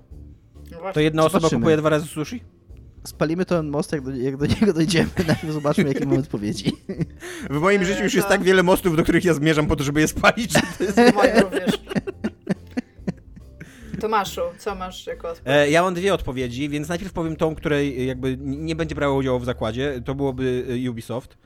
E, bo uważam, że jakby y, Microsoft by już wtedy ogarnął całe, y, jakby przy, całość tworzenia gier na świecie, jakby wszystkie gatunki, wszystko by miał, jakby, jakby kupił Ubisoft. Wszystkie pipeliny takie działające wielkich AA produkcji, e, znaczy oczywiście nie wszystkie, ale jakby wszystkie inne, które by jeszcze istniały, byłyby totalnie nieznaczące, nie? E, ale to, co weźmie udział w moim zakładzie, to jest CD Projekt Red. Bo CD Projekt Red wydaje mi się w zasięgu finansowym, jakby wydaje mi się, że ludzie z CD Projekt Red zdają sobie sprawę, że to nie jest Orlen, jakby, że nie będą chcieli sprzedać tej firmy e, za tyle, za ile Orlen idzie. Więc to jest w zasięgu finansowym Microsoftu totalnie, ale nawet nie, w taki, nie jako jakiś taki gigantyczny zakup, tylko jako taki duży, uczciwy zakup, nie? Mhm. No a przy okazji jest to jednak Juggernaut, przynajmniej jeżeli chodzi o takie budowanie narracji y, dookoła swoich gier. Bo i Wiedźmin 3 był taki, i Cyberpunk 2077 był taki i jestem pewien, że pomimo katastrofy otaczającej Cyberpunk 2077 będzie tak z kolejną grą ym, CD Projektu, zwłaszcza, że to pewnie najprawdopodobniej będzie Wiedźmin 4 po prostu, więc e, i tak, i, i uważam, że to był taki, taki zakup, który Microsoftowi by po pierwsze na pewno się opłacił na dłuższą metę, bo CD Projekt, nawet jak robi złe gry, to one i tak przynoszą absurdalne ilości pieniędzy zysku, co nie? E, a po drugie, a po drugie, no zawładnąłby już naprawdę prawie totalnie taką narracją grową, co nie? Jakby y, to, że, że Wiedźmin 4 by wyszedł tylko i wyłącznie na Game Pass na przykład, to był taki deal breaker, autentycznie taka, taka gra, która by sprzedawała i abonamenty, i konsole, i, i, i tak dalej. Więc dla mnie to jest CD Projekt Red. Ja bym chciała tutaj tylko powiedzieć, bo ja też e, jako tą grubą rurę wsadziłam Ubisoft e, i to, dlaczego też przy okazji to nie jest najprawdopodobniej najlepszy strzał, wynika też z tej komisji do spraw konkurencji. Wydaje Tak, się, że tak, też o tym Microsoft myślałem. nie mógłby kupić w tym momencie Ubisoftu. Być może będzie moment, w którym będzie mógł to zrobić, ale to nie jest ten moment. Jakby to będzie, to będzie bardzo trudno im kupić Ubisoft. To ja może powiem od razu, że ja mam oprócz Ubisoftu mam Super Giant Games. Uważam, że to by nie było po pierwsze tak drogie. CD Projekt to jest bardzo dobra odpowiedź, Tomku. Tak ogólnie to jest bardzo Ja, dobra myśl, odpowiedź. to ja też myślałem o. Supergiant, ale ja myślę, że Supergiant nie jest zainteresowany sprzedaniem się. A na to, a z, z, kolei uważam, że ludzie, którzy prowadzą CD Projekt, mogą być już bardzo zmęczeni swoim, swoim jakby życiem i, i, i zadaniem i że mo, to po mogą być inwestorzy, nie? Będą... Tak, e, no nie, ale tam e, jakby kontrole i tak, pa, pakiety kontrolne chyba i tak ma zarząd, co nie? Ci, ci, Będą tam, pewnie ta tak, piątka, no bo no. inaczej by nie byli tam Tak. zarządzający. E, natomiast właśnie Super Giant Games wydaje mi się, że okej, może by nie byli zainteresowani jakby sprzedażą, ale myślę, że Microsoft ma sposób, żeby ich poprzekonywać, szczególnie, że te inne studia w rodzinie Microsoftu raczej nie narzekają, a mają jakby stały przychód, więc e, wydaje mi się, że Microsoft mógłby chcieć ich pozyskać do swojego portfolio po prostu, żeby wszystkie gry Supergiant Games były nie dość, w Game Passie, to każda kolejna, żeby była Day One w Game Passie, szczególnie po sukcesie Hadesa, nie? Więc e, to jest moje. Dominik, też masz Ubisoft? Jako, jako Mam rzecz? dwie odpowiedzi. Nie, też mam dwie odpowiedzi, bo jak wy możecie mieć dwie, to ja też Ale musisz dwie. też powiedzieć taka, która bierze udział wiesz, w zakładzie. Tak. No. E. Mam dwie odpowiedzi na podobną mańkę. Jedna jest tak jak u was, grubą rurą, w którą nie wierzę, że to mi się uda z tych samych powodów, co Iga powiedziała. Jest to Square Enix. E, Po pierwsze, Square Enix ma zajebiście dużo sensu do Microsoftu. Microsoft cały czas nie może się przebić w Japonii, więc gdyby teraz zagarnęli Final Fantasy, Dragon Questa, Kurde, e, Bandai Namco. Y, to, to, to by było naprawdę olbrzymi dla nich y, taki zastrzyk, nie wiem, energii na Japonię. Plus Square Enix ma dużo takich marek zachodnich, które są takie Xboxowe bardziej tak intuicyjnie, jak Tomb Raider, Mhm. jak Just Cause, jak Deus Ex, takie zachodnie gry dla tam brodudes, którzy tam piją Mountain Dew i jedzą Dla Cheetosy, czadów i Czy- bradów? Tak, więc to jest jednocześnie taka firma, która ogarnia czadów i bradów i ogarnia Japonię, więc moim zdaniem Square Enix dobra odpowiedź, fuck. No. Square Enix ma zajebiście dużo sensu dla, dla Microsoftu, natomiast nie wierzę, że to zrobią z tych samych powodów, z których wy nie wierzycie, że zrobią Ubisoft. E, a moja odpowiedź to Sega. E, z dokładnie tych samych powodów, z których powiedziałem przed chwilą, że Square Enix, ale dużo bardziej realistyczna jednak moim zdaniem, mm, jeśli chodzi o wielkość tej firmy. I, Co i ma Sega z takich zachodnich rzeczy teraz? Po sensie popularnych Eee, w. No ja nie wiem w sumie, wiesz? Bo Sega zawsze, ona po tym, kiedy Ja myślę- ja patrzyłem- konsole, to ja szczerze mówiąc- Zawsze, no. Ja szczerze mówiąc spodziewałem się, że Microsoft kupi Sega po tym, jak dużo jest Jakuzy w Game Passie i jak długo jest Yakuza w Game Passie, że tam idzie jakiś głębo, głęboki deal, bo te Jakuzy wchodzą Like a Dragon, tam wszedł chyba pół roku po premierze w ogóle Mhm. do Game Passa i prawie wszystkie te Jakuzy są. Więc ja myślałem głównie tutaj z, z, właśnie z punktu widzenia Jakuz, yy, a co oni mają takiego zachodniego, no i, no i tam wiesz, jakieś tam Virtua Jeszcze- Fighter, jakieś takie, Jeszcze takie rzeczy Bandai, też Bandai historyczne. nie? Namco, nie? Które mogliby kupić idąc tym tropem. License. ten- Mają Alien. Co tutaj? No, no w sumie nie za wiele tego mają. No ale jest na pewno bardziej doable niż Square Enix, nie? Tak, no jakieś tam Shenmue, myślę, że tak i wizerunkowo i jeżeli chodzi o jakieś tam marki japońskie, których być może my nawet jakoś super nie znamy, yy, to, to, to jest moja odpowiedź, no, Sega. Kurde, macie dobre odpowiedzi na to, nie? Ty dobrą Dominiku, odpowiedź. powiedz e, nam, co jest grane u ciebie. Co jest u grane? Dominika, co Ja- jest grane, co było u ciebie, miałeś zagrane. Ja będę dzisiaj taki trochę, za przeproszeniem, all over the place w tej odpowiedzi, bo głównie i taka rzecz, która była u mnie grana w zeszłym tygodniu, to był Judgment, który skończyłem ostatecznie. E, Ale nie mam o tej grze jakoś super dużo do powiedzenia. Jaki jest twój rzeczy. judgment? Jest super ta gra. Jakby jestem, i i- jestem mega szczęśliwy, że mam dwójkę i już myślałem, żeby w ogóle wejść w nią prawie od razu, teraz po wypłacie kupić y, dwójkę na Xboxa, bo jest już na normalnego Xboxa też. Y, Ale pomyślałem sobie, że może w sumie poczekam, szczególnie, że mamy plan z Adamem Piechotą i to jest coś dla ciebie, Iga. Mamy plan z Adamem Piechotą symultaniczne wej- symultanicznie wejść w Danganronpę. y, Z uwagi No na Właśnie, to, bo też... chciałam powiedzieć w zeszłym tygodniu, że Danganronpa, pierwsza część, Trigger Happy Havoc i to ta odświeżona jakby weszła do Game Passa. Tak, tak. A więc, więc mam taki tak, grajmy wszyscy w Danganronpa i się cieszmy. Więc mam taki plan, żeby grać z nim i się wymieniać uwagami i przeżywać to razem. Więc być może Dobre 20 godzin to jest pierwszy zrobię Naprawdę Danganronpę i, i, i później wejdę w Lost Judgment. E, Tylko to chcia, chciałem tylko powiedzieć, że to, o czym rozmawialiśmy w zeszłym odcinku, czyli taka telenowelowość i te takie dramatyczne zwroty akcji, ja przeczytałem, mm, tak bo byłem ciekaw, kiedy skończę tę grę, że ona Mówisz ma 12... tutaj o, o Judgment, Judgment. Danganronpie, które Tak, tak, również o ma bardzo dużo takich zwrotów akcji, więc... Przeczytałem, że ona ma 12 rozdziałów, Judgment, więc jak wczoraj już wieczorem byłem tak, i to głę- głęboko w tym 12 rozdziale, to tak trochę byłem rozczarowany, że, że nie, nie była taka szalona ta końcówka, jak, jak się spodziewałem, że będzie. Po czym nagle wszedł Final Chapter, się okazało, że jest jeszcze Final Chapter, 13, tylko nie nazywa się 13, tylko nazywa się Final Chapter, ale to jest autentycznie takie kilka godzin jeszcze gry tam jest i tam się dzieją kurna rzeczy. Tam, tam naprawdę nie byłem rozczarowany. Jakby wszystkie moje e, takie mm, lekki niepokój, że nie jest ta gra tak szalona w swoim zakończeniu, jak myślałem, że będzie, zostały rozwiane. Tam gówno uderza w wiatrak na koniec. y, Trzy plot twisty w ogóle są w ostatniej pół godzinie. E, Jest y, tam ostatnia scena tam w sądzie, kiedy jednocześnie bohater wybiega się bić z ludźmi, ponieważ to jak Iga powiedziała poza nagraniem, też ta gra pokazuje, że procesy sądowe wygrywa się na pięści, więc... Znaczy ogólnie cała ta gra o prawnikach pokazuje, że i takie tak najlepszym rozwiązaniem konfliktu jest po prostu przemoc. Jakby... Tak. Więc Super Judgment y, 10 na 10, znaczy nie 10 na 10, to nie, ża- żartuję oczywiście. No to jest takie solidne 8 na 10 moim zdaniem, ale jakbym musiał dać ocenę. Ale bawiłem się super. E, tutaj mam druga rzecz, którą zrobiłem w ostatnim tygodniu, to jest Sukcesja, trzeci sezon.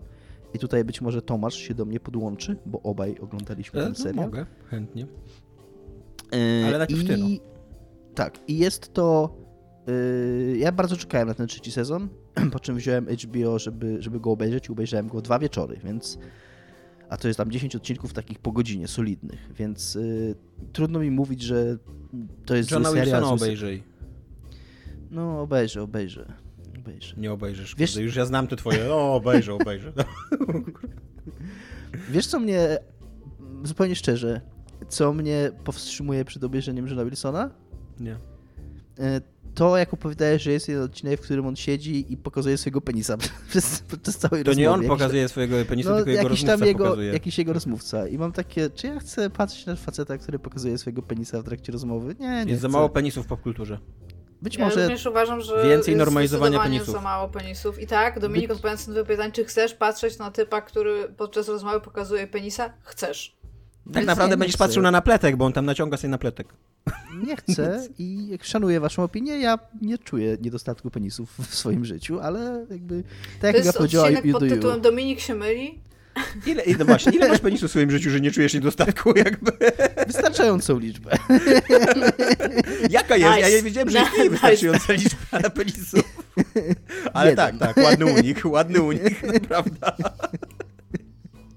Yy, I obejrzałem ten trzeci sezon sukces i mówię, obejrzałem go dwa wieczory, więc e, trudno mi powiedzieć, że to jest zły serial, albo że jest- coś nie tak, natomiast nie podobał mi się tak bardzo jak dwa pierwsze sezony. Jest Ja miałem z najsłabszy. tym. Jest najsłabszy. Ja miałem z tym serialem taki love-hate relationship. W sensie taki love-hate w tym w takim sensie, że to jest super zrobiony serial, który jest super zagrany, ma bardzo ciekawe rzeczy do powiedzenia i jest taki przenikliwy, jeżeli chodzi o, o pokazanie tego, jak funkcjonuje świat. Natomiast y, ma bardzo niesympatycznych bohaterów, którzy są jakby celowo niesympatyczni, bo taka jest też, o ile tak można powiedzieć, teza tego serialu, tak? Y, żeby pokazać po prostu, tak jakby, żeby zburzyć taki mit y, bogatego człowieka, jakiego, jako takiego człowieka w sumie takiego jak my, tylko po prostu. I tak, takiego wizjonera, który tam próbuje ratować świat i, i w ogóle, Tak, nie, albo- ciężko pracuje.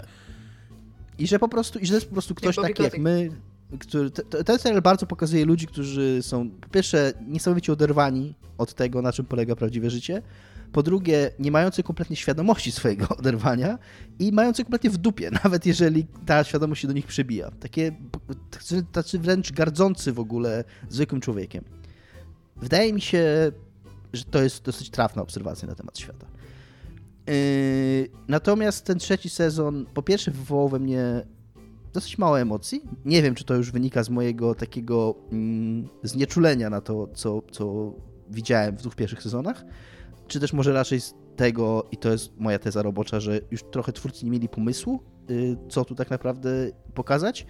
A drugi, taki większy zarzut, bo tam moje emocje być może to są moje emocje i one. Okej, mogę je mieć, mogę ich nie mieć.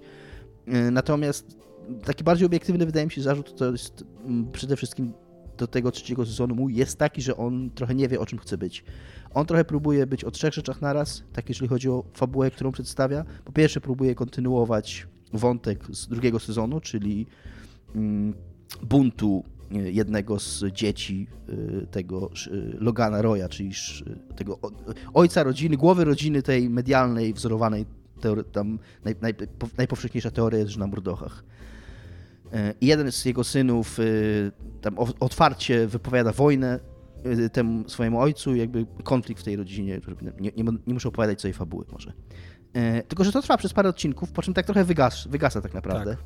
E, Później i, i tak trochę wygasa bez, bez, tak, pff, bez żadnego I payoffu, także, bez... I także powraca w jakichś takich tylko wrzutkach, takich jednodialogowych, tak zupełnie gdzieś na marginesie.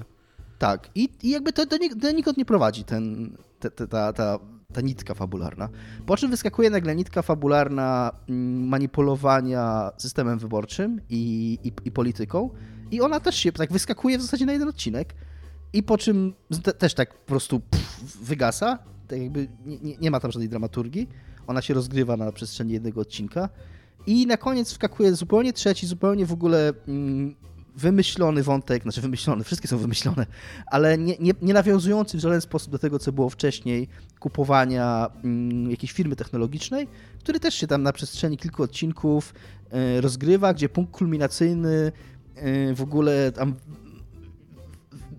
cały, cały zwrot akcji w punkcie kulminacyjnym jest polega na tym, że po prostu przedstawiana jest widzowi nowa informacja, której nie miał, która jest wymyślona tylko i wyłącznie na potrzeby tego zwrotu akcji, która jakby nie, w żaden sposób, to się tak mówi po angielsku, nie wiem czy jest jakiś odpowiednik po polsku, że jest, że unearned, że jakby jest punkt kulminacyjny, który nie wynika z niczego, co było wcześniej, że jest tam jakaś dramaturgia i widzisz, że jest to dobrze zagrane, więc jakoś tam cię to obchodzi, ale jakby nic do tego nie prowadzi. To po prostu się rozgrywa i, i serial się kończy, więc mm, dosyć rozczarowany jestem taki. Ja Oglądało taki... się...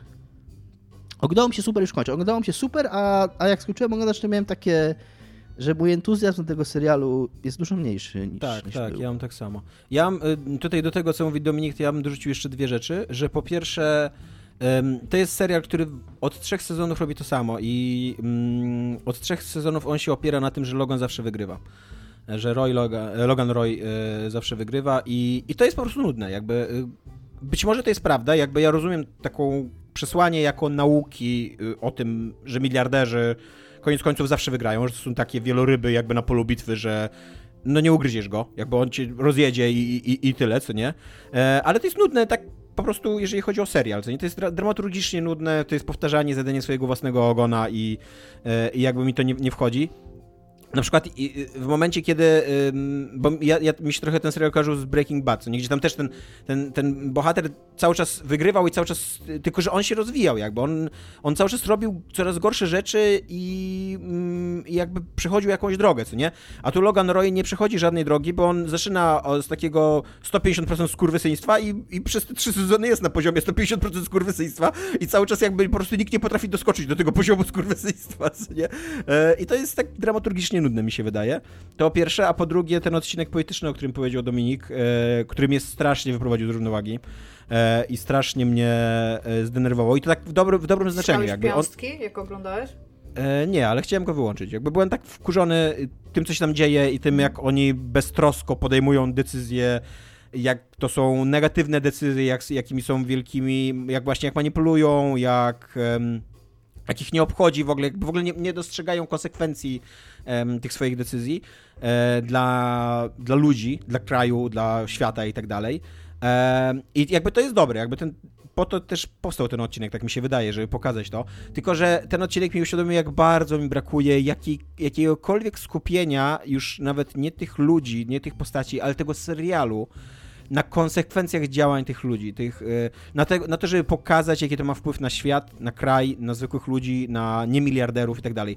A ten serial niestety przyjmuje taką perspektywę, jaką przyjmują rojowie, że on jest skupiony tylko na nich. Więc te wszystkie ich takie y, kijowe zagrywki one w ich świecie nie mają żadnej konsekwencji, bo one ich nie dotyczą. Nie? To, że wybiorą, to, że poprą na prezydenta człowieka, który, nie chcę tu spoilerować, no ale który jest najgorszym człowiekiem z możliwych, jakby dla nich to nie będzie miało żadnych konsekwencji, tylko dobre, co jakby, bo, bo, bo będzie nim łatwiej manipulować, albo on będzie miał w dupie ich, bo będzie się wyżywał na słabszych i tak dalej. A, a jakby, ale, ale to, to już są tak złe decyzje i w ogóle ten model biznesowy też właśnie tego Fox News, nie tam, to nie jest Fox News, ale to, to jest Fox News, jest tak szkodliwy i też w pewnym momencie tam pada, mm, tam pada też zdanie wcześniej, że że oni się przy, przy, przy, przysłużyli do propagowania kłamstwa klimatycznego. E, też jest cały ten proces jakby o tuszowania skandali seksualnych w tych rejsach takich, takich, takich. I to, my to wszystko poznajemy tylko z ich perspektywy. W ogóle nie widzimy tej krzywdy, którą oni wyrządzają inni. Widzimy tylko ich i, i to, że mają to w dupie. Ale ja jako widz też trochę mam to w dupie, bo ten serial też ma to w dupie. Bo nie, nie, nie, ma, nie ma ofiar, nie ma prawdziwych jakby prawdziwych konsekwencji, tylko w ogóle to, to w ogóle nie jest pokazane z tej wysokości rojów, co nie? Więc jest, taką, zarzut. Jest jeden z, wiem, że o tym już mówiłem, ale, ale akurat mi się teraz super skojarzyło, bo to jest jeden z innych momentów, kiedy było to, jeden z, z nielicznych momentów, kiedy było to widać i jeden z najbardziej przejmujących dla mnie momentów tego serialu. W pierwszym sezonie, w jednym z pierwszych odcinków jest taka scena, kiedy Yy, oni się zakładają i dają jakiemuś tam biednemu tak. człowiekowi, tak. który jest z obsługi jakiegoś pola golfowego yy, i chyba grają w, w, w golfa czy w baseball. Yy, dziecku właśnie, nawet nie, nawet nie tak. temu człowiekowi, tylko dziecku dają Um, taki I zakład sobie... robią z nim, że, że dadzą mu milion dolarów, jeżeli on coś tam odbije piłkę, czy coś takiego. Tak, tak. I, to jest, I oni mają z tego super radochę, a widzisz jak to dziecko i jego ojciec, który jest tam zwykłym po prostu jakimś tam typem, który zajmuje się, kosi trawę czy coś na tym i jak to, jak on widzi, jak to może zmienić jego życie i jak on emocjonalnie do tego podchodzi, a jak oni po prostu się śmieją z tego i jak oni mają, jak oni po prostu się nabijają wręcz z tego dzieciaka i z tego. I to, i to jest dla mnie super przejmujący moment i właśnie być może z tego powodu, który Tomek powiedział, że jest to jeden z niczych momentów, kiedy widać tego człowieka pod nim, pod nimi, tego małego człowieka w cudzysłowie, yy, przynajmniej z ich perspektywy. i, i, i jak, jaki to ma wpływ na niego, więc tak, tak, zgadzam się. To jest serial, że oglądam, oglądamy serial o ludziach, którzy podejmują decyzje, które mają wpływy na, na życia miliardów ludzi, ale widzimy tylko te decyzje, w ogóle nie widzimy konsekwencji tych decyzji. No, dobra. Więc tak. Miałem jeszcze, tak? Miałem jeszcze coś, ale mm, to już sobie zostawię, bo już długo gadam. Jeszcze mamy tam pytania i w sumie zostawię sobie moją trzecią rzecz jako niespodziankę, jak będę miał do niej więcej, o niej więcej do powiedzenia. Dobra. Iga, dajesz pytania. Dobrze. Chciałam się was zapytać, e, bo mm, jak się możecie domyśleć, drodzy słuchacze, my ze sobą też rozmawiamy poza czasem antenowym i sobie czasami wysyłamy różne rzeczy. Czego ostatnio słuchacie i co możecie polecić naszym słuchaczom? Hmm? Ja może zacznę, bo Dominik teraz nagadał. Eee, ja wiem, wiem skąd się wzięło to pytanie, bo ja podesłałem Dominikowi, że słucham piosenkę Taylor Swift ostatnio, eee, ale słucham jej od razu, żeby się wytłumaczyć tylko ze względu na to, że mm, ona jest nagrana z zespołem Haim. Nie musisz się tłumaczyć, eee... czy słuchasz Taylor Swift. Taylor Swift eee... Widocznie odczuwa tam jak potrzebę tłumaczenia. No, jest to piosenka Nobody No Crime i słucham jej tylko dlatego, że y, byłem na filmie, y, teraz muszę sobie przypomnieć jego tytuł. Bardzo dobry film, bardzo polecam, ale nie będę o nim mówił. Y, byłem na filmie Licorin Pizza jest to super film o, o młodości i o dorastaniu. Ale lepszy byłby, jakby się nazywał Corin Sushi, prawda? Tak, zdecydowanie. e, ale, ale tak naprawdę nie słucham tego hajmu, bo tak szczerze mówiąc nie podoba mi się ich muzyka. Ta piosenka mi się super film... podoba, jest fajna, ale no. Czy to jest ten film, o którym, teraz mogę coś mylić, ale w którym jest Bradley Cooper, jest tam w dwóch scenach? Tak. Tak, i ma grup, super postać gra. Zajebistą. Ale że może, że może ze dwie sceny dostać Oscara za rolę drugoplanową. No możliwe. Nie wiem, nie wiem, czy to jest aż tak dobra rola, bo tam przy okazji te dwie postacie główne, te takiego młodego chłopaka i jego trochę starszej koleżanki, one są świetnie zagrane, więc to nie jest tak, broń Boże, to nie jest tak, że mhm. Bradley Cooper kradnie show, co nie? Jak, bo, Jasne. bo to jest ich show, totalnie, cały ten film. E, ale no tak, jest to, jest to bardzo dobra rola, tak, zgadza się. I, I przy okazji to jest taka postać hollywoodzka, a Hollywood lubi głaskać samo siebie, bo on też gra tam prawdziwą, prawdziwą osobę, co nie? Więc, więc może dostanie, możliwe. Ale tak naprawdę słucham teraz e, ścieżki dźwiękowej z Once Upon a Time in America. E, z tego Morricone, e, bo to jest bardzo dobra ścieżka dźwiękowa i bardzo fajnie się przy niej pracuje i jest taka melancholijna i, i fajna. I słuchałem podcastu na temat tego filmu i trochę mi zatęskniłem za tym filmem. Słucham czegoś, co Dominika bardzo podnie podnieci, czyli słucham ścieżki dźwiękowej Cyberpunka 2077. E, ja, już, ja, już w trakcie, ja już w trakcie e, mówienia o tej grze mówiłem, że tam jest radio Pacific Dreams, które mi się bardzo podoba i w sobie przypomniałem o tym, że jest tam radio Pacific Dreams, które mi się bardzo podoba. Jest ono na Spotify'u, więc sobie włączam i to jest właśnie takie też dobre do pracy. I ostatnio trochę King Crimson o, odkrywam, takiego E, no takiego giga, takich gigantów rocka z lat 70. i chyba 60., e, którzy robili no naprawdę niesamowite rzeczy, prog rock głównie i, i klasyczny rock i takie piosenki po 10 minut trwające i, i też mi jakoś to ostatnio wchodzi dobrze. Iga? Ja ostatnio słucham głównie e, ambientu elektronicznego, ale wróciłam do dwóch zespołów, które też nie są czymś super nowym, ale po prostu przez nie tam dwa tygodnie namiętnie a ich słucham i to jest Roixop i to jest The Knife, które wciąż uważam za fenomenalnie artystyczne zespoły. A, a ja potrzebuję po prostu, żeby coś mi leciało w tle do pracy, ale teraz jak Tomek powiedział o soundtracku do Cyberpunka, to bardzo bym chyba chciała mieć zapętlone dźwięki z menu, pauzy, tam jak jesteś, e, jak możesz sobie robić e, te.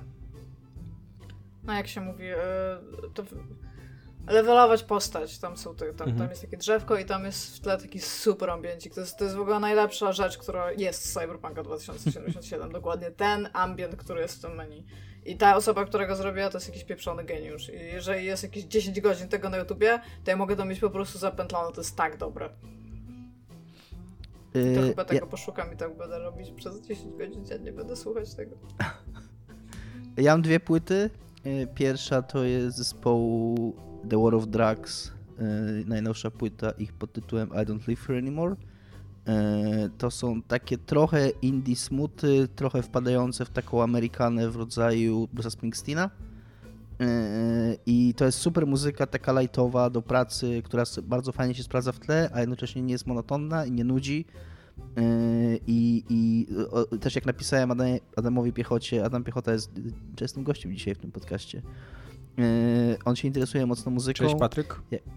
jak mu napisałem, że tego słucham i że jest super i czy słuchał, to powiedział mi, że jakbym słuchał, jakbym czytał prasę muzyczną, to bym wiedział, że to jest jedna z najważniejszych płyt zeszłego roku, więc y, tyle wam powiem.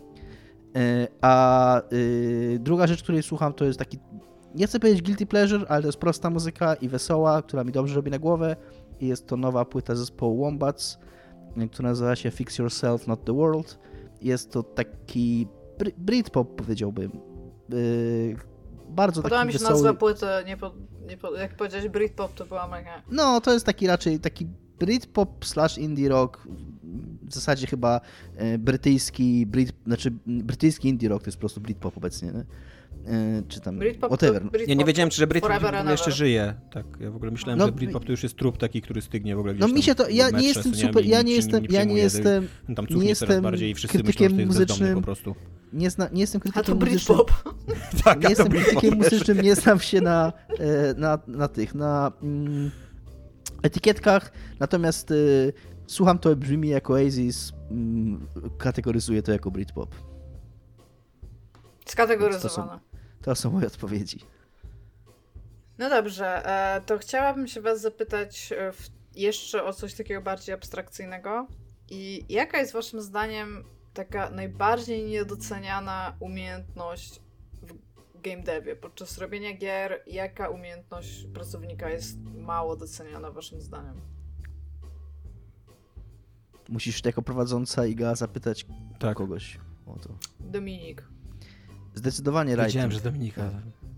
No, bo Y- Dominik powiedział, więc go się zapytałam. Jak ktoś... Zdecydowanie, zdecydowanie writing. Zdecydowanie uważam, że nie szanuje się i nie docenia się pracy scenarzystów yy, wciąż w, i, i wciąż w, mam takie yy, i to nie jest yy, tutaj, mm, bo Iga ma parę pytań yy, o game devie i o naszych mm, odczuciach związanych z tym, że wszyscy pracujemy teraz w game devie i akurat tu, w tym momencie muszę podkreślić, że ja mm, jakkolwiek pracuję w firmie game devowej, to w odróżnieniu od Was chyba mam relatywnie najmniej wspólnego z samym procesem produkcji, znaczy jestem trochę obok procesu produkcji, yy, ale natomiast, więc, więc tutaj jeżeli chodzi o to pytanie, to bardziej mm, odpowiadam na podstawie swoich obserwacji i tego, co widzę w grach, niż na temat, niż, na, yy, niż z punktu widzenia kogoś, kto faktycznie uczestniczy yy, w procesie tworzenia tych gier.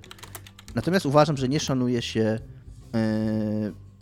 writingu, nie szanuje się, nie szanuje się słowa pisanego, nie szanuje się pracy scenarzystów, nie przywiązuje się uwagi do dialogów, do tego jak one są napisane, do tego co się chce przez nie powiedzieć. Myśli się o tym bardzo często już na ostatnim w ogóle, jakiejś, jakiejś ostatniej prostej, a nie na, a nie na y, poziomie pracy koncepcyjnej. I ja przepraszam, że się znowu będę paswił nad tą grą, ale muszę się nad nią popaswić po raz kolejny, ponieważ została nominowana do paszportu polityki gra Game Dev, która moim zdaniem jest y, mm, koronnym przykładem tego, jak mało się myśli w grach o, o pisarstwie i o pisaniu, że wystarczy wziąć po prostu pisarza, człowieka, który się przedstawi jako pisarz i jakby on jest pisarzem, ponieważ napisał jakąś książkę i ma tą książkę wydaną, tak? Jakby w dzisiejszych czasach, ja nie wiem, nie czytałem tych książek, może one są fenomenalne. Chyba I nie. też nie znam tego. Słucham? Chyba nie, ja próbowałem przeczytać i odpadłem totalnie właśnie, z, głównie z Natomiast- powodu tego, że były bardzo tak płasko napisane. Tak, natomiast no, ja już o tej grze mówiłem, uważam, że jest fatalnie napisana. Tak, y, mm, y, nie ma żadnego polotu w tych dialogach, nie ma żadnych postaci interesujących, nie ma nic do powiedzenia interesującego, jest takim kurwa wydmuszką, jest takim, jest trochę tym, co y, Tomek mówił o powieści Dukaja, tylko dużo, dużo gorszym, czyli takim szkieletem tylko pewnej historii i, i, i szkieletem jakichś A, postaci. e, ja bym ma- przy okazji chciał tylko zaznaczyć, że Dukaj bardzo dobrze pisze, moim zdaniem, językowo. Ta Tak, książka tak, też jest y, ciekawa, właśnie- interesująca językowo, co nie?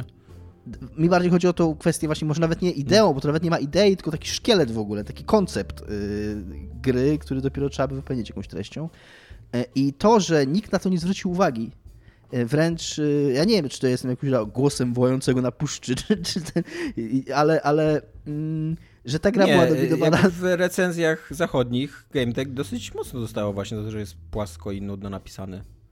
Tak, natomiast w Polsce paszport polityki, kultura cyfrowa, jedno z najważniejszych wydarzeń w ogóle, mm, że jakby, że, że tak mało cenimy i tak mało nas obchodzi. Ja nie wiem, czy ktokolwiek z tej kapituły yy, w ogóle grał w tą grę. Ona została chyba nominowana właśnie dlatego, że jakiś tam pisarz science fiction się pod nią podpisał, bo też było to widać bardzo po tych mm, takich blurbach, które były na stronie polityki, że akurat o tej grze było bardzo powierzchownie, tam nic nie było, żadnego konkretu o niej, tylko ktoś jakby zrobił jakąś syntezę z jakichś informacji prasowych na ten temat, więc ja jestem Niestety- przekonany. Niestety, ale mogę Tak. cię podbić jeszcze ten twój hejt na, na pisarza Marcina Przybyłka, tak? który mm, stoi Mhm. za tą grą. Bo on niestety jeszcze wystąpił w podcaście mm, Polski Game Dev chyba, tak się nazywa ta strona, oni nagrywają taki podcast. Tak, tak. I tam był, było trzech pisarzy, którzy się zajmują też również pisaniem gier. I oni wszyscy bardzo narzekali na to, na, na writerów growych, że writerzy są tacy słabi, że trzeba być prawdziwym pisarzem, żeby umieć wyczucie Czy słowa. możemy w ogóle powiedzieć I- o tym podcaście, że tam było trójka ludzi, którzy piszą książki, którzy mówią, że ludzie, którzy robią gry, nie potrafią robić gier, bo to jest w ogóle też jakiś Tak. ewenement. e, Tak. To widać w ogóle, że ci pisarze nie czują się częścią mechanizmu. Jednocześnie, jednocześnie nie wypominając nic nikomu, ale skoro oni rozpoczęli temat, to ci pisarze, żaden z tych pisarzy nie jest dobry. jakby tak. A, a zachowują się jakby właśnie, o, to pisarze powinni pisać gry, bo, e, bo pisarze znają się na pisaniu, a writerzy nie znają, nie- na writingowaniu się znają najprawdopodobniej, czy czymś tam. Więc tak, no, więc... Yy, Ja no, od... Aha. więc tylko, no, uważam, że, że nie umiemy krytykować, yy, nie, nie my jako nasza trójka, tylko w ogóle środowisko i, i gracze. I krytyka tak naprawdę w, w wielu przypadkach też nie umie mm, jakby analizować i krytykować gry za, za ich pisarstwo i przez to to pisarstwo nie jest cenione yy, jakby na wszystkich poziomach, na poziomie Ale odbioru gry, wydaje, że- tworzenia i, i krytyki.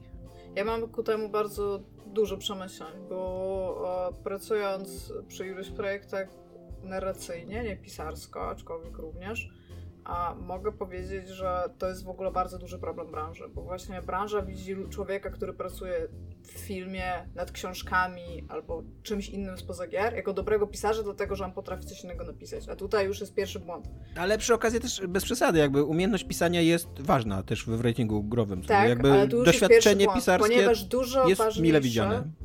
Tak, ale jakby kwestia pisarstwa, samego jakby pisania tekstu jest bardzo, bardzo różna, jeżeli piszesz książkę, bardzo Tak. różna, jeżeli pracujesz nad serialem, a bardzo różna, jeżeli robisz film albo grę, albo cokolwiek innego, tak? I jakby bra- całkowity brak świadomości medium przez niektórych w ogóle z tych ludzi, którzy zostają po prostu ściągnięci jako nazwisko do napisania czegoś, też jest złe, jakby, bo oni często nie pracują, oni nie znają możliwości silnika, ograniczeń technologicznych, nie wiedzą w ogóle nie interesują się najczęściej w ogóle tym, jak ta gra wygląda, tylko jakby na przykład oglądają film, jak ktoś gra w tą grę i na tej podstawie coś piszą. To jest w ogóle diametralnie złe. Ja mam, ja mam trochę, ja mam tak, jak mówi Dominik, że pisarze powinni być bardziej docenieni, ale z drugiej strony my potrzebujemy pisarzy do medium. A jest ich mega mało. Jest naprawdę mega mało writerów do gier. I to jest gigantyczny No, problem. ale dziwisz się, zobacz jakie są stawki dla writerów, a dla wszystkich innych ludzi, którzy robią gry. Znaczy w ogóle popatrz jakie są stawki. Jakby robienie gier się nie opłaca. No nie, ale wiesz ludziom. co, y, robienie, robienie gier w każdej innej dziedzinie niż writing jest dużo bardziej opłacalne niż writing, o tak. Ale wciąż y, robienie czegokolwiek z tym samym źródłem, znaczy z tym samymi No tak, umiejętnościami w jakimkolwiek innej branży jest dużo bardziej opłacalne niż robienie tego w game devie, nie? Więc tutaj Ale to- w ogóle jest... Ale ja się zgadzam z Tomkiem. Ja się zgadzam z Tomkiem, że wciąż yy, pracując jako programista przy grze, jasne, zarobisz zapewne mniej niż pracując jako programista nie wiem, w banku. Często, no. Dobrze, ale wciąż jakby z głodu nie umrzesz. To wciąż będą dobre pieniądze, szczególnie w Polsce, jak na polskie warunki. Yy, To wciąż będzie dobra wypłata. Yy, To może nie być yy, 16 tysięcy, tak? Ale to będzie na przykład 6 tysięcy. I, I nawet, wiesz, i to jest, to, to jakby nie umrzesz z głodu za takie pieniądze, nie? Yy, chociaż tam możemy od, od polityków i ministrów i innych usłyszeć inne rzeczy. Natomiast jeśli chodzi o writerów, ja się zgadzam z Tomkiem i to jest też kolejny argument za tym, że, yy, że nie ma, mm, że, że nie są cenieni, no, że, że się im mało płaci po prostu. No tak, no ale to jakby teraz z drugiej strony pewnie byłoby lepiej, jeżeli byśmy mieli polskich rozpoznawalnych pisarzy growych, takich tacy, którzy zrobili bardzo dobrą, dobre rzeczy w dobrych grach, które są rozpoznawalne. I takie osoby mogłyby w ogóle jakby zaprowadzić do takiego przełomu myśleniowego, tak? I to jest nam też potrzebne. Więc tak. No, ja mam, mam bardzo duży przemyśleń, jeżeli chodzi o writerów na, na, w tej branży. A Tomku, czy ty chcesz podzielić się odpowiedzią na to pytanie? E, ja trochę inaczej zrozumiałem to pytanie, więc w duchu Dominika odpowiem na pytanie, które nie, zapadło, nie, nie padło, bo e, ja je zrozumiałem jako nie jako dla pracodawcy, jakie są niedoceniane umiejętności, e, albo dla jakichś takich ludzi, którzy decydują o, o, procesie, tylko dla samych ludzi, którzy robią gry, jakby dla, dla, mhm. dla nas. I wydaje mi się, że to są takie trzy rzeczy, ale tak naprawdę to jest jedna rzecz, czyli ambicje artystyczne, empatia i czytanie książek jakby wydaje mi się, że twórcy gier wideo bardzo często nie myślą w ogóle o swojej grze jakkolwiek e, o dziele artystycznym. E, bardzo rzadko obchodzi ich drugi człowiek i bardzo rzadko chcą się rozwijać w kierunku poznania drugiego człowieka, poznania jakiejś kultury i tak. Jest E, wydaje mi się, że w game devie, nie tylko polskim, ale w ogóle, jakby króluje takie, takie podejście, że gra to jest produkt i że gra to jest jakiś, że istnieje jakiś wzór na grę. E, i, I że to nie jest dzieło artystyczne, ani nie wiem, ani jakieś właśnie takie dzieło, które może w jakiś sposób zadziałać emocjonalnie na gracza. E, I że zasadniczo twórcy gier się nie rozwijają tak humanistycznie się nie rozwijają. Rozwijają się pewnie, że technologia jest nowa, że jakieś tam są, kurde, TED-talki i tak dalej, co nie? Ale żeby usiąść i przeczytać książkę i, i pomyśleć nad jakąś filozofią, nad tym, co się ma do powiedzenia drugiemu człowiekowi, żeby potraktować swoje dzieło jako autentycznie takie dzieło, które, e, które będzie można postawić, nie wiem, gdzieś i, i powiedzieć to jest jakaś ja moja to... deklaracja, miałem coś tak, do powiedzenia, ja patrzcie na mnie, tak? Mnie. E, to tego nie ma. Jakby w ogóle... To być może się wiąże trochę z tym, co Dominik mówi, że nie ma szacunku dla, dla, dla writerów w, w game devie. Mi się wydaje, że to jest szersze, że w ogóle nie ma szacunku e, dla e, humanizmu w game devie. Dla, e, przez, przez całe dekady walczyliśmy o to, żeby uważać, że gry wideo to są dzieła sztuki, a jak w końcu wszyscy uważają, że pewnie gry wideo to są dzieła sztuki, to się okazuje, że nikomu w game devie nie zależy na tym, żeby robić dzieła sztuki. No nie, nie, nie nikomu, ale niewielu osobom, co nie? No, więc to jest... Ja mam taką odpowiedź, która jest po części. Ona się wiąże z waszymi rzeczami, jakby. Ja tutaj mam to z punktu widzenia zarówno moim zdaniem pracodawcy, jak i innych współpracowników. I moim zdaniem to jest jakby umiejętność komunikacji z zachowaniem zasad retoryki, że bardzo mało ludzi w game devie potrafi mówić, tak, wiem, że potrafią mówić, jakby komunikować rzeczy, ale nie potrafią tego komunikować dobrze, nie zwracają uwagi na słowa, których używają. I to jest to, co mówi Dominik, na przykład, co się przewija w grach, że, raz na, że, że rzadko są po prostu dobrze napisane. A dwa, a bardzo mało ludzi potrafi, jakby przez to, że bardzo wielu ludzi z game devu jest w jakiś sposób umysłami ścisłymi i w jakiś sposób uznali, że Kurde, to jest, to jest, to jest, muszę chwilkę ułożyć zdanie, bo to jest trochę, troszeczkę tak. Jeżeli na przykład e, ktoś, Dominik mówi o matematyce, ja mówię, Jezus Maria, jestem taka naprawdę zła z matematyki, tak? Jestem, o. I to jest takie trochę chwalenie się, na zasadzie nie powiem, o mój Boże, nie potrafię mówić w języku polskim. Tak? To nikt się tak nie pochwali. To jest, to jest w jakiś sposób jakaś ujma, którą się widzi, ale matematyka jest jakby spoza tego. A problem polega na tym, że mało kto jak chodzę na wykłady, jak rozmawiam z ludźmi, mało ktoś potrafi wypowiadać. I moim zdaniem to jest wynik i przyczyna tego, o czym wy mówicie również. Że mało kto ceni umiejętność wypowiadania się w konkretny sposób i przekazywania myśli, mało kto słucha tego, co pada, a wy wydaje mu się to, co chce usłyszeć, jakby idzie z tym dalej. I jest gigantyczny problem komunikacji w całej branży game devowo żurnalistycznej nawet też bym powiedziała ostatnio. I jakby to jest, to, to jest moim zdaniem dużo większy problem, niż ludzie go zauważają i są w stanie nadać mu jakąkolwiek wagę. Że ma, mało co jest w stanie się wypowiedzieć, a podczas developmentu też są przy tym, z tym duże problemy. Są duże problemy z tym, jak marketing komunikuje rzeczy odnośnie do gier do dziennikarzy, jak oni interpretują, jak oni zapisują, i potem jest bardzo duży problem, jeżeli chodzi o rozumienie tego przez odbiorcę.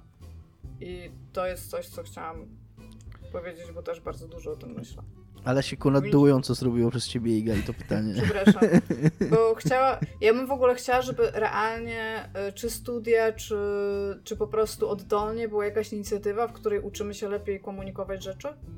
I to by pewnie też wzięło pod uwagę, Tomku, to co mówiłeś o empatii, albo to co ty mówiłeś, Dominik, że nagle ludzie by zauważyli, że jakikolwiek dialog to nie jest często good enough dialog, że tam trzeba coś więcej dać.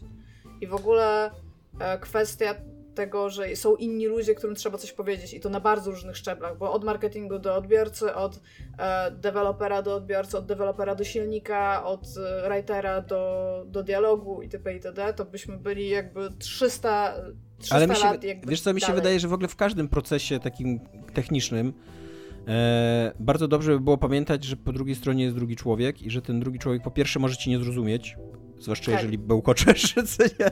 a po drugie ma też jakieś swoje własne doświadczenie życiowe, emocje, właśnie empatię i tak dalej i no też powinieneś zwracać na to uwagę. Tak, nie? jak powiedziałeś o empatii, to w ogóle to jest, to jest coś, pod czym jestem w stanie się rękami i nogami podpisać, bo jest ten brak empatii również na tak wielu poziomach, jeżeli chodzi nadawca, odbiorca, pracownik, współpracownik, szef, pracownik, y, tam pracownik, pracownik położony niżej, że tak powiem, jest to za mało empatii jest. I jest za mało wiary też w gracza. Jest naprawdę bardzo za mało wiary w gracza i to też jest jakiś tam problem. Dobrze. A zrobiło się bardzo smutno, więc jakby nie, nie, chcę, nie chcę zadawać tych pytań o to, o to Dajesz następne smuty, dajesz, ludzie lubią smuty. Tak, ludzie Tak. lubią smuty. Dobrze, to chciałam się was zapytać, co było dla was, e, bo w jakiś tam sposób e, Dominik robił taki disclaimer, że on jest e, tak najmniej w tym procesie deweloperskim, a natomiast wszyscy jesteśmy teraz już pracujący w game devie, szeroko pojętym. A, I chciałam się was zapytać, co było najtrudniejsze dla was jakby po tym, kiedy przeszliście już na, na tą drugą stronę po Game Journal? Tomku. Ja, ja mam zaczynać. Yy... no najtrudniej jest moim zdaniem z e, feedbackiem dla writera. ym, bo, yy, bo gra nie, nie, nie ujrzy światła dziennego przez tam 2-3 lata, więc to są teksty pisane trochę w próżnię. E, Jednocześnie to są często bardzo krótkie i takie fragmentaryczne teksty, bo, bo, bo gry się mniej więcej często tak pisze.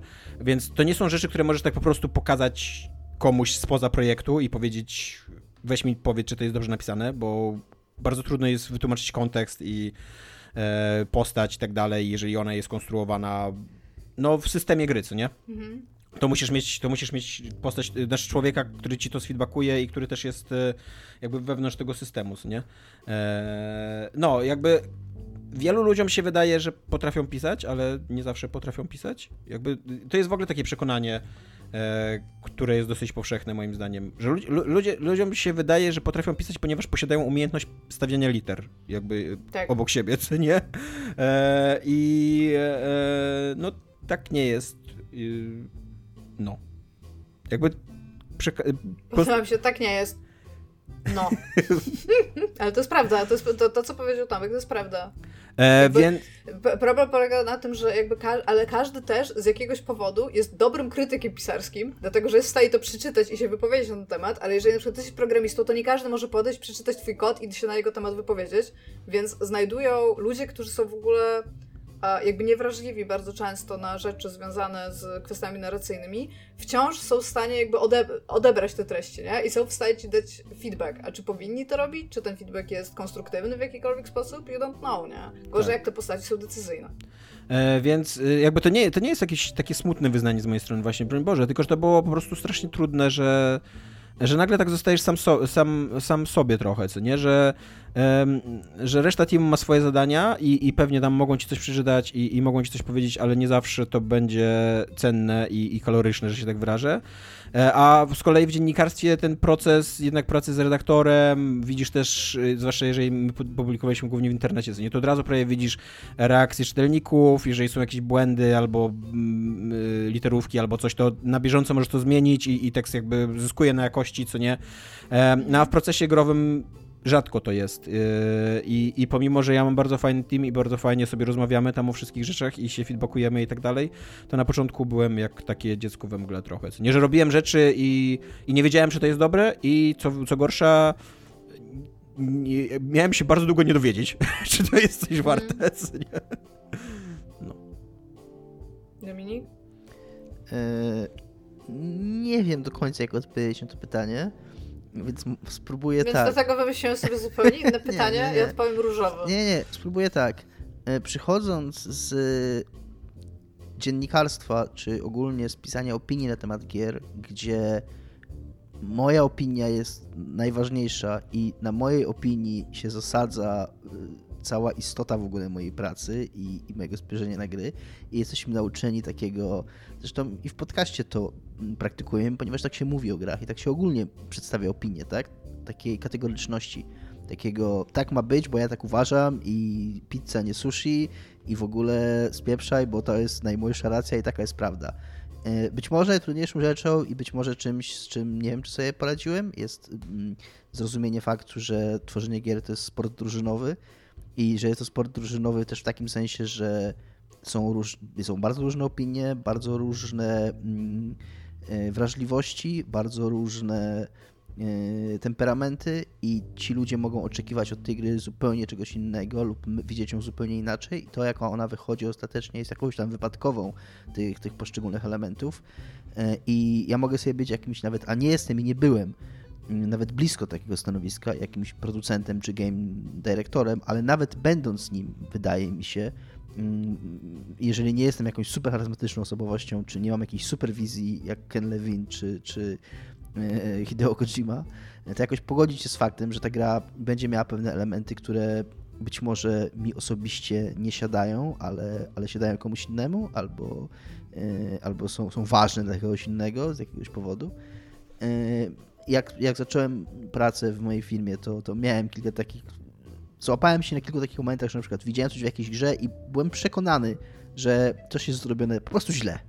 Więc szedłem do człowieka, który to zrobił i mówiłem mu, że stary, to trzeba poprawić, nie? Po czym dowiadywałem się, po pierwsze, to w ogóle nie jest tak, jak ja myślę, że to działa. Że oprócz tego, że to e, składa się na to kilka innych elementów, których nie widzę, nie rozumiem e, i, i, i nigdy nie będę miał do nich dostępu, to, to, to jeszcze przy okazji jest to tam właśnie wypadkową jakichś innych decyzji, które, które były mm, po drodze podejmowane i, i, i, i okazuje się, że koniec końców moja opinia jest gówno warta. Więc być może taka pokora no, i, i takie mm, przyzwyczajenie się do myśli, że, że moja krytyczna opinia, jeżeli sobie gadam teraz w podcaście, albo jeżeli sobie piszę tekst, to ona musi być taka stanowcza, yy, a w samym procesie jest to dużo bardziej płynne. Iga, a twoje? A, dla, dla mnie najtrudniejsze wciąż jest to, co mówiłeś ty, Tomku, czyli fakt, że przychodzisz, e, bo to jest tak, ja zaczęłam pracować dla firm jako jedna z tych e, zębatek, które jakby kręci wszystkim, żeby ta głowa mogła się ruszyć jakby w tę albo w tą stronę, tak? Kimś mhm. zupełnie raczej nieważnym w tym procesie, znaczy oczywiście, że wszystkie firmy ci powiedzą, że jesteś strasznie unikalny i ważny i bez ciebie to to w ogóle nie będzie mogło działać, ale to nie jest, to nigdy nie jest prawda. A to ja zaczęłam w tym jakby segmencie i najdziwniejsze, najdziwniejsze, najtrudniejsze jest dla mnie jakby wciąż to, że jeżeli gra może się sprzedać lepiej, bo są jakieś badania rynkowe, że jeżeli będzie to, to się sprzeda lepiej, to jesteś w stanie porzucić bardzo często bardzo ważne dla tej gry rzeczy. Dlatego, że na przykład tego nie ma na rynku i tego nie da się zbadać, więc zróbmy coś, co już jest i co jest ludziom znane. I pomimo tego, że jakby osoby decyzyjne postanowiły na samym początku, że dany element jest ważny dla tej gry i stanowi jakoś o jej tożsamości, to jest, są go w stanie wyrzucić przez okno dosłownie z dnia na dzień, jeżeli w jakiś sposób miałoby to wpływ na produkt, jakim się stanie ta gra kiedyś, tak? Produkt, nie dzieło tutaj właśnie to rozróżnienie. I w ogóle traktowanie właśnie gry jako, jako produktu, albo na przykład jakby fakt, że ludzie, którzy robią tą grę i chcą, żeby ona była dobra, że się martwią, czy ona się sprzeda, jakby.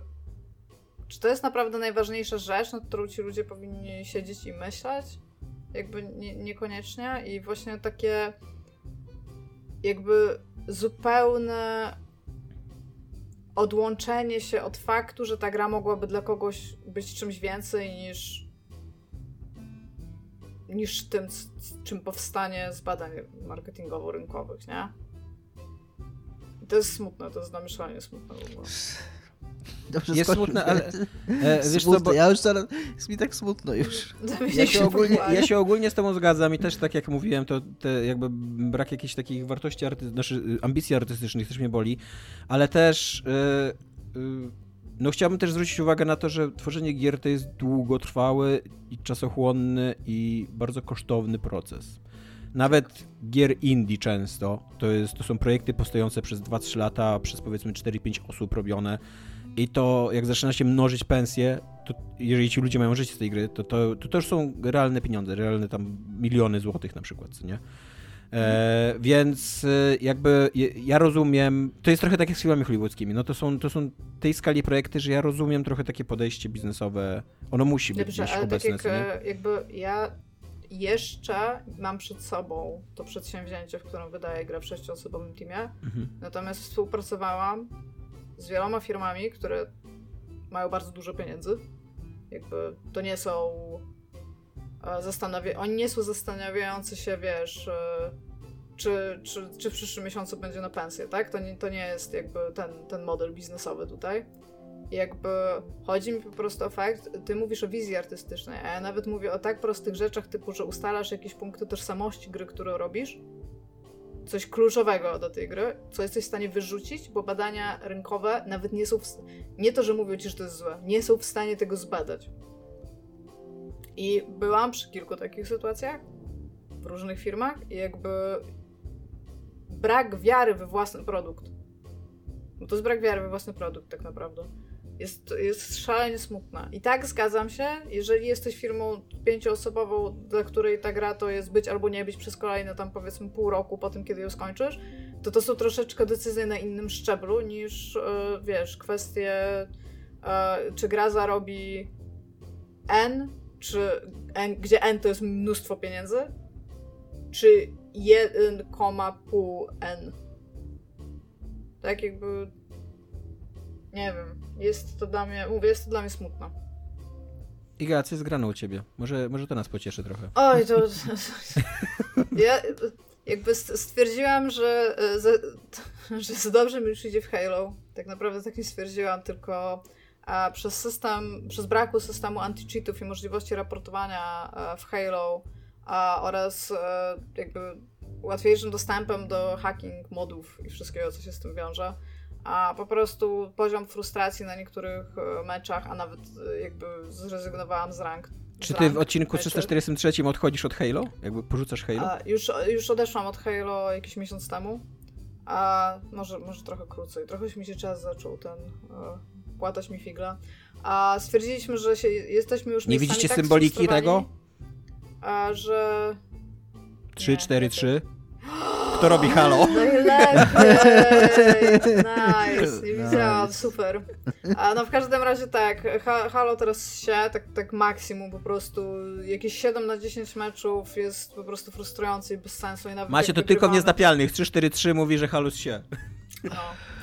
A więc jakby stwierdziliśmy, że sobie zrobimy przerwę, bo to jest tak, od Halo i szukaliśmy sobie innych rozrywek. W związku z czym przeszliśmy Vermintide 2, który jest fajnym reskinem na Left 4 Dead, jakby wciąż Left 4 Dead jest lepszą grą, ale przeszliśmy Vermintide 2, a potem zaczęliśmy szukać rzeczy i przyszedł y, do mnie obecny tutaj kiedyś w podcaście Bogdan Graczyk i się spytał, czy chcę z nim pograć w Risk of Rain 2. I ja powiedziałam tak, ale przyprowadzę ekipę.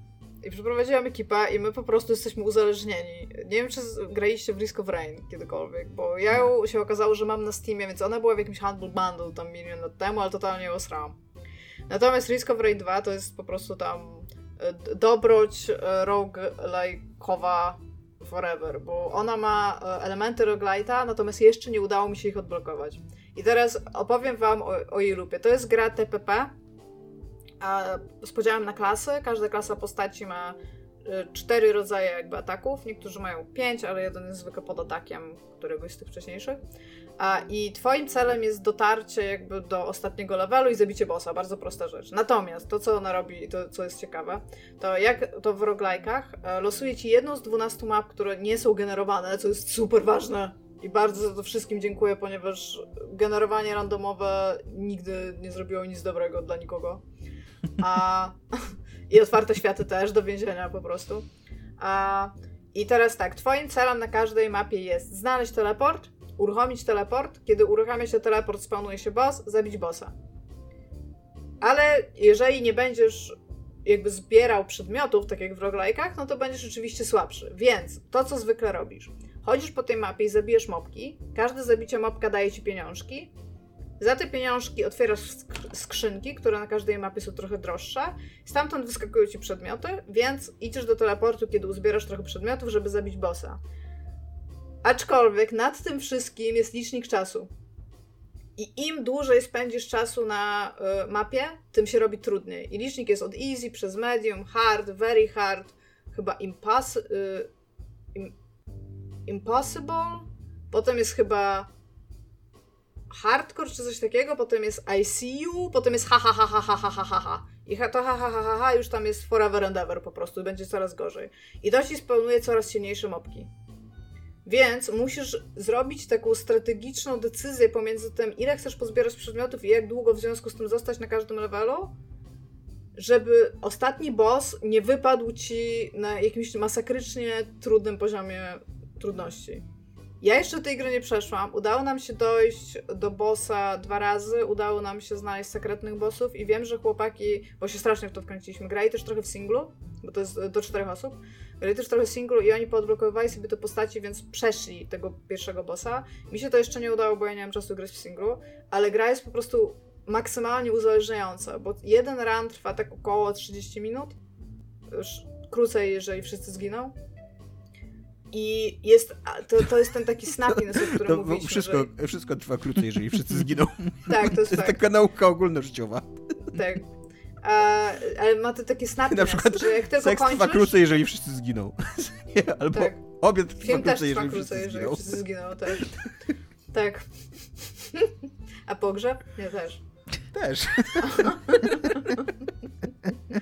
Dobra. W każdym razie ona ma genialnie zaprojektowany ten taki snappy system, w którym a jak tylko zakończysz jednego rana, to automatycznie chcesz jeszcze jednego i jeszcze jednego i jeszcze Mówiłem jednego. o, przy okazji Returnala, to jest mega ważne w takich grach. Tak. I, I, jak gra to robi dobrze, to po prostu się wciągasz tak na maksa, co nie?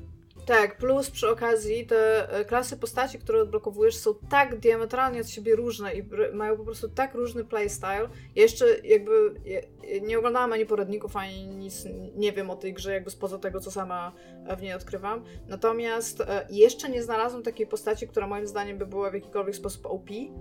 A ja tam gram trzema pierwszymi, żeby. Mam, mam odkryty więcej, ale chcę jakby nauczyć się grać nimi, żeby dopiero patrzeć na inne, a nie skakać tak z meczu na mecz na inne, żeby jakby zobaczyć, ale nic się nie nauczyć i nic nie zmasterować.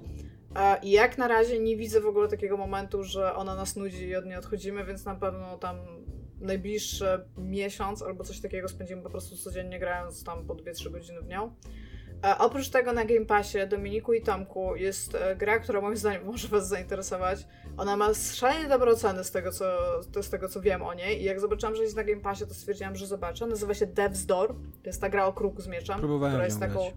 taką trochę zeldą, taką, ma mnóstwo takich mrugnięć okiem do fanów Dark Soulsów. A pograłam w nią jak na razie dwie godziny. Ona bardziej, dużo bardziej niż dla fanów Dark Soulsów to jest po prostu Ona ma mrugnięcia okiem tak, do fanów Dark jest, Soulsów. To jest postaci, miejsca, które, w których one są, to co one mówią, jak one siedzą, takie rzeczy. E, to jest Metroidvania, bo to jest Zelda, tak jak powiedziałam. Natomiast e, ona jest super prosta i to jest mój gigantyczny problem z tą grą. Ja bym chciała w nią grać, ale bossowie ona jest mega są trochę prosta. trudniejsi, tacy są ok ci bossowie. No i mówię, ja jestem po dwóch godzinach, jestem już prawie przy tej czarownicy, jestem po tym jej domku i to jest po prostu... Ja nie wiem, co oni tutaj nie tak zrobili i nie wiem, czy ona się robi potem trudniejsza, ale kurde, ona jest po prostu taka... Ja po prostu idę przez nią. Tak... Może jesteś ja, za dobra jestem... w gry po prostu. Ja mam z nią taki nie, problem... Mają bardzo mało patternów ci bossowie, mają bardzo mało patternów ci przeciwnicy. Jesteś w stanie większość z nich zabić na jedno kombo z miecza, więc po prostu podchodzisz, typ tam ładuje coś, to robisz pyk, pyk, pyk i, i go nie ma, jakby bardzo, bardzo dziwne. Ja mam z tą grą taki problem, mi akurat ten poziom trudności nie przeszkadzał. Jakby fajnie mi się walczyło z tym pierwszym bossem i, i to było ok. E, ale ten. E, rzeczywiście te takie miniony, co spotykasz na planszy, to są takie dosyć proste, nie? I tutaj mhm. e, bardziej stopień trudności to jest za pomocą jakiejś takiej mieszanki tych minionów, ale walka z pojedynczym z nich nigdy nie sprawia ci satysfakcji, co nie? E, tu się zgadzam. E, ale ja mam takie... Ja mam, to jest taka gra, która absolutnie nic nie wnosi do tej takiej metroidwaniowej formuły. Tak, ona jest taka poprawna, to jest tak. fakt, ale jest śliczna. Jest śliczna i jesteś wroną. Jesteś wroną w sumie szarą. A nie krukiem? No właśnie, niby krukiem, ale jesteś wroną szarą, jak się patrzy na, tego, jak ten ptak wygląda. E, jesteś e, też śmiercią, jakby przychodzisz po duszę na świat doczesny, ale to, co jest w niej urocze, to jest fakt, że jak e, zaczynasz grać i jesteś idle i nic nie robisz, to ta wrona robi taką tak łapkiem, tak jak robią ptaki, że tak e, ma taką animację bez, e, bez tych transformów pomiędzy jednym a drugim, tylko tak po prostu bardzo szybko macha główką delikatnie. A i jest bardzo ładna, jeżeli chodzi o to, jak jest zrobiona. W sensie to, to, to są jakieś takie jej, jej, jej, duże plusy. To, co mówi Tomek, to jest fakt. Ona jest po prostu poprawna. Tam, tam nie ma nic jej. Tak. Jest roll, jest e, łuk, jest miecz, jest silny atak, jest słabszy atak i jakby i na tym się jakby idzie. I te wszystkie zagadki są takie też poprawne, nie ma, nie ma w nich mnóstwa jakiegoś tam pomyślunków w stosunku do tego, co można, a czego nie można zrobić, aczkolwiek z tego, co wiem od Adama, od Adama Piechoty, bo też się pojawia, bo on wymasterował tą grę, to ona trwa tylko 9 godzin, więc to jest, to, wiesz, Zelda to są gry na 30 z hakiem, tak, więc jakby te 9 godzin jestem w stanie w nią włożyć, a mam czasami potrzebę po trudnym jakimś tam dniu usiąść sobie i pograć po prostu w coś, co, co znam. Bo tą grę się zna. Jeżeli się grało w tego typu e, gry, w ogóle właśnie tam typu Zelda albo e, jakieś tam, nie wiem, Titan Souls albo coś takiego, to po prostu się siada i się w nią gra, tylko one jest właśnie mówione, jest przy okazji mega proste, przez co jest dla mnie trochę nudna. I jakieś tam, jakieś tam Titan Souls, jakieś tam Titan Souls to jest ciekawe skojarzenie o tyle, że z tego co pamiętam, to, to jest to samo studio. Tak? O, o tak, okay. tak. No, ale to mówię, to takie. Ja to sobie określiłam jako takie Dark Souls dla dzieci. Tak, dla takich naprawdę małych dzieci tam. E, popatrz, tam mamusia gra w Dark Soulsa, to sobie pograj tutaj w Death's Door masz. A, więc tak, zawiązanie akcji jest takie sobie też w nim, w sensie nie, nie podoba mi się to, jak, jak oni stwierdzili, że mnie cokolwiek powinno obchodzić, jeżeli jestem biurokratycznym e, krukiem czy wroną e, w grze i potem wysyłają mi po duszę i mówią, bo tak, takie zawiązanie akcji, wysyłają ci po duszę i mówisz po tą duszę i przyniesią tutaj, tylko pamiętaj, że dopóki przejdziesz przez drzwi i będziesz na padole ludzkim tam, gdzie są te dusze, to ty, może, ty jesteś śmiertelny i się starzejesz, nie? Po czym idziesz po tą duszę i ci ją zabierają. I, po, i potem, to co, jak znajdujesz tą osobę, którą ci zabiera ta dusza, ona ma usprawiedliwienie w stosunku do tego, a ja jestem. A, a moją odpowiedzią na to usprawiedliwienie jest: idę do biura, bo to jest literalnie biuro, gdzie siedzą ludzie i piszą rzeczy na. Znaczy, ptaki siedzą i piszą na maszynach do pisania, i składam apel o fakt, że dusza została mi skradziona z prośbą o, znaczy i z wnioskiem o to, że proszę rozpatrzeć, żeby przydzielono mi inną duszę. I w jakiś sposób nie, tego nie mogę zrobić, więc y, to jest takie co. Ale tak, pograłam i pewnie będę grać dalej. A w kąciku poetyckim y, wiersz Czesława Miłosza, piosenka o końcu świata. E, I idzie tak. W dzień końca świata pszczoła krąży nad kwiatem na Turcji. Rybak naprawia błyszczącą sieć. Skaczą w morzu wesołe delfiny. Młode wróble czepiają się rynny. I wąż ma złotą skórę, jak powinien mieć. W dzień końca świata kobiety idą polem pod parasolkami. Pijak zasypia na brzegu trawnika. Nawołują na ulicy sprzedawcy warzywa. I łódka z żółtym żaglem do wyspy podpływa. Dźwięk skrzypiec w powietrzu trwa i noc gwiaździstą odmyka. A którzy czekali błyskawic i gromów, są zawiedzeni a którzy czekali znaków i archanielskich trąb, nie wierzą, że staje się już. Dopóki słońce i księżyc są w górze, dopóki trzmiel nawiedza różę, dopóki dzieci różowe się rodzą, nikt nie wierzy, że staje się już. Tylko siwy staruszek, który byłby prorokiem, ale nie jest prorokiem, bo ma inne zajęcie, powiada, przewiązując pomidory. Innego końca świata nie będzie. Innego końca świata nie będzie. E, powinniśmy jeszcze podziękować e, ludziom, którzy nam dają w chuj hajsu. E, czyli e, Mafinkowi, Tomkowi 2 i, i Arzynie. E, ale dziękujemy także ludziom, którzy nam dają mniej niż w chuj hajsu. E, oni też są jak najbardziej godni podziękowania. dziękujemy również tym, którzy nas słuchają i nie mają po prostu hajsów albo nie chcą nam dawać hajsów. To też jest, to też jest cool, też jest fajne. no. Iga, pożegnasz się, tak? Zamkniesz odcinek? Tak. Papa. Pa. Cześć. Cześć.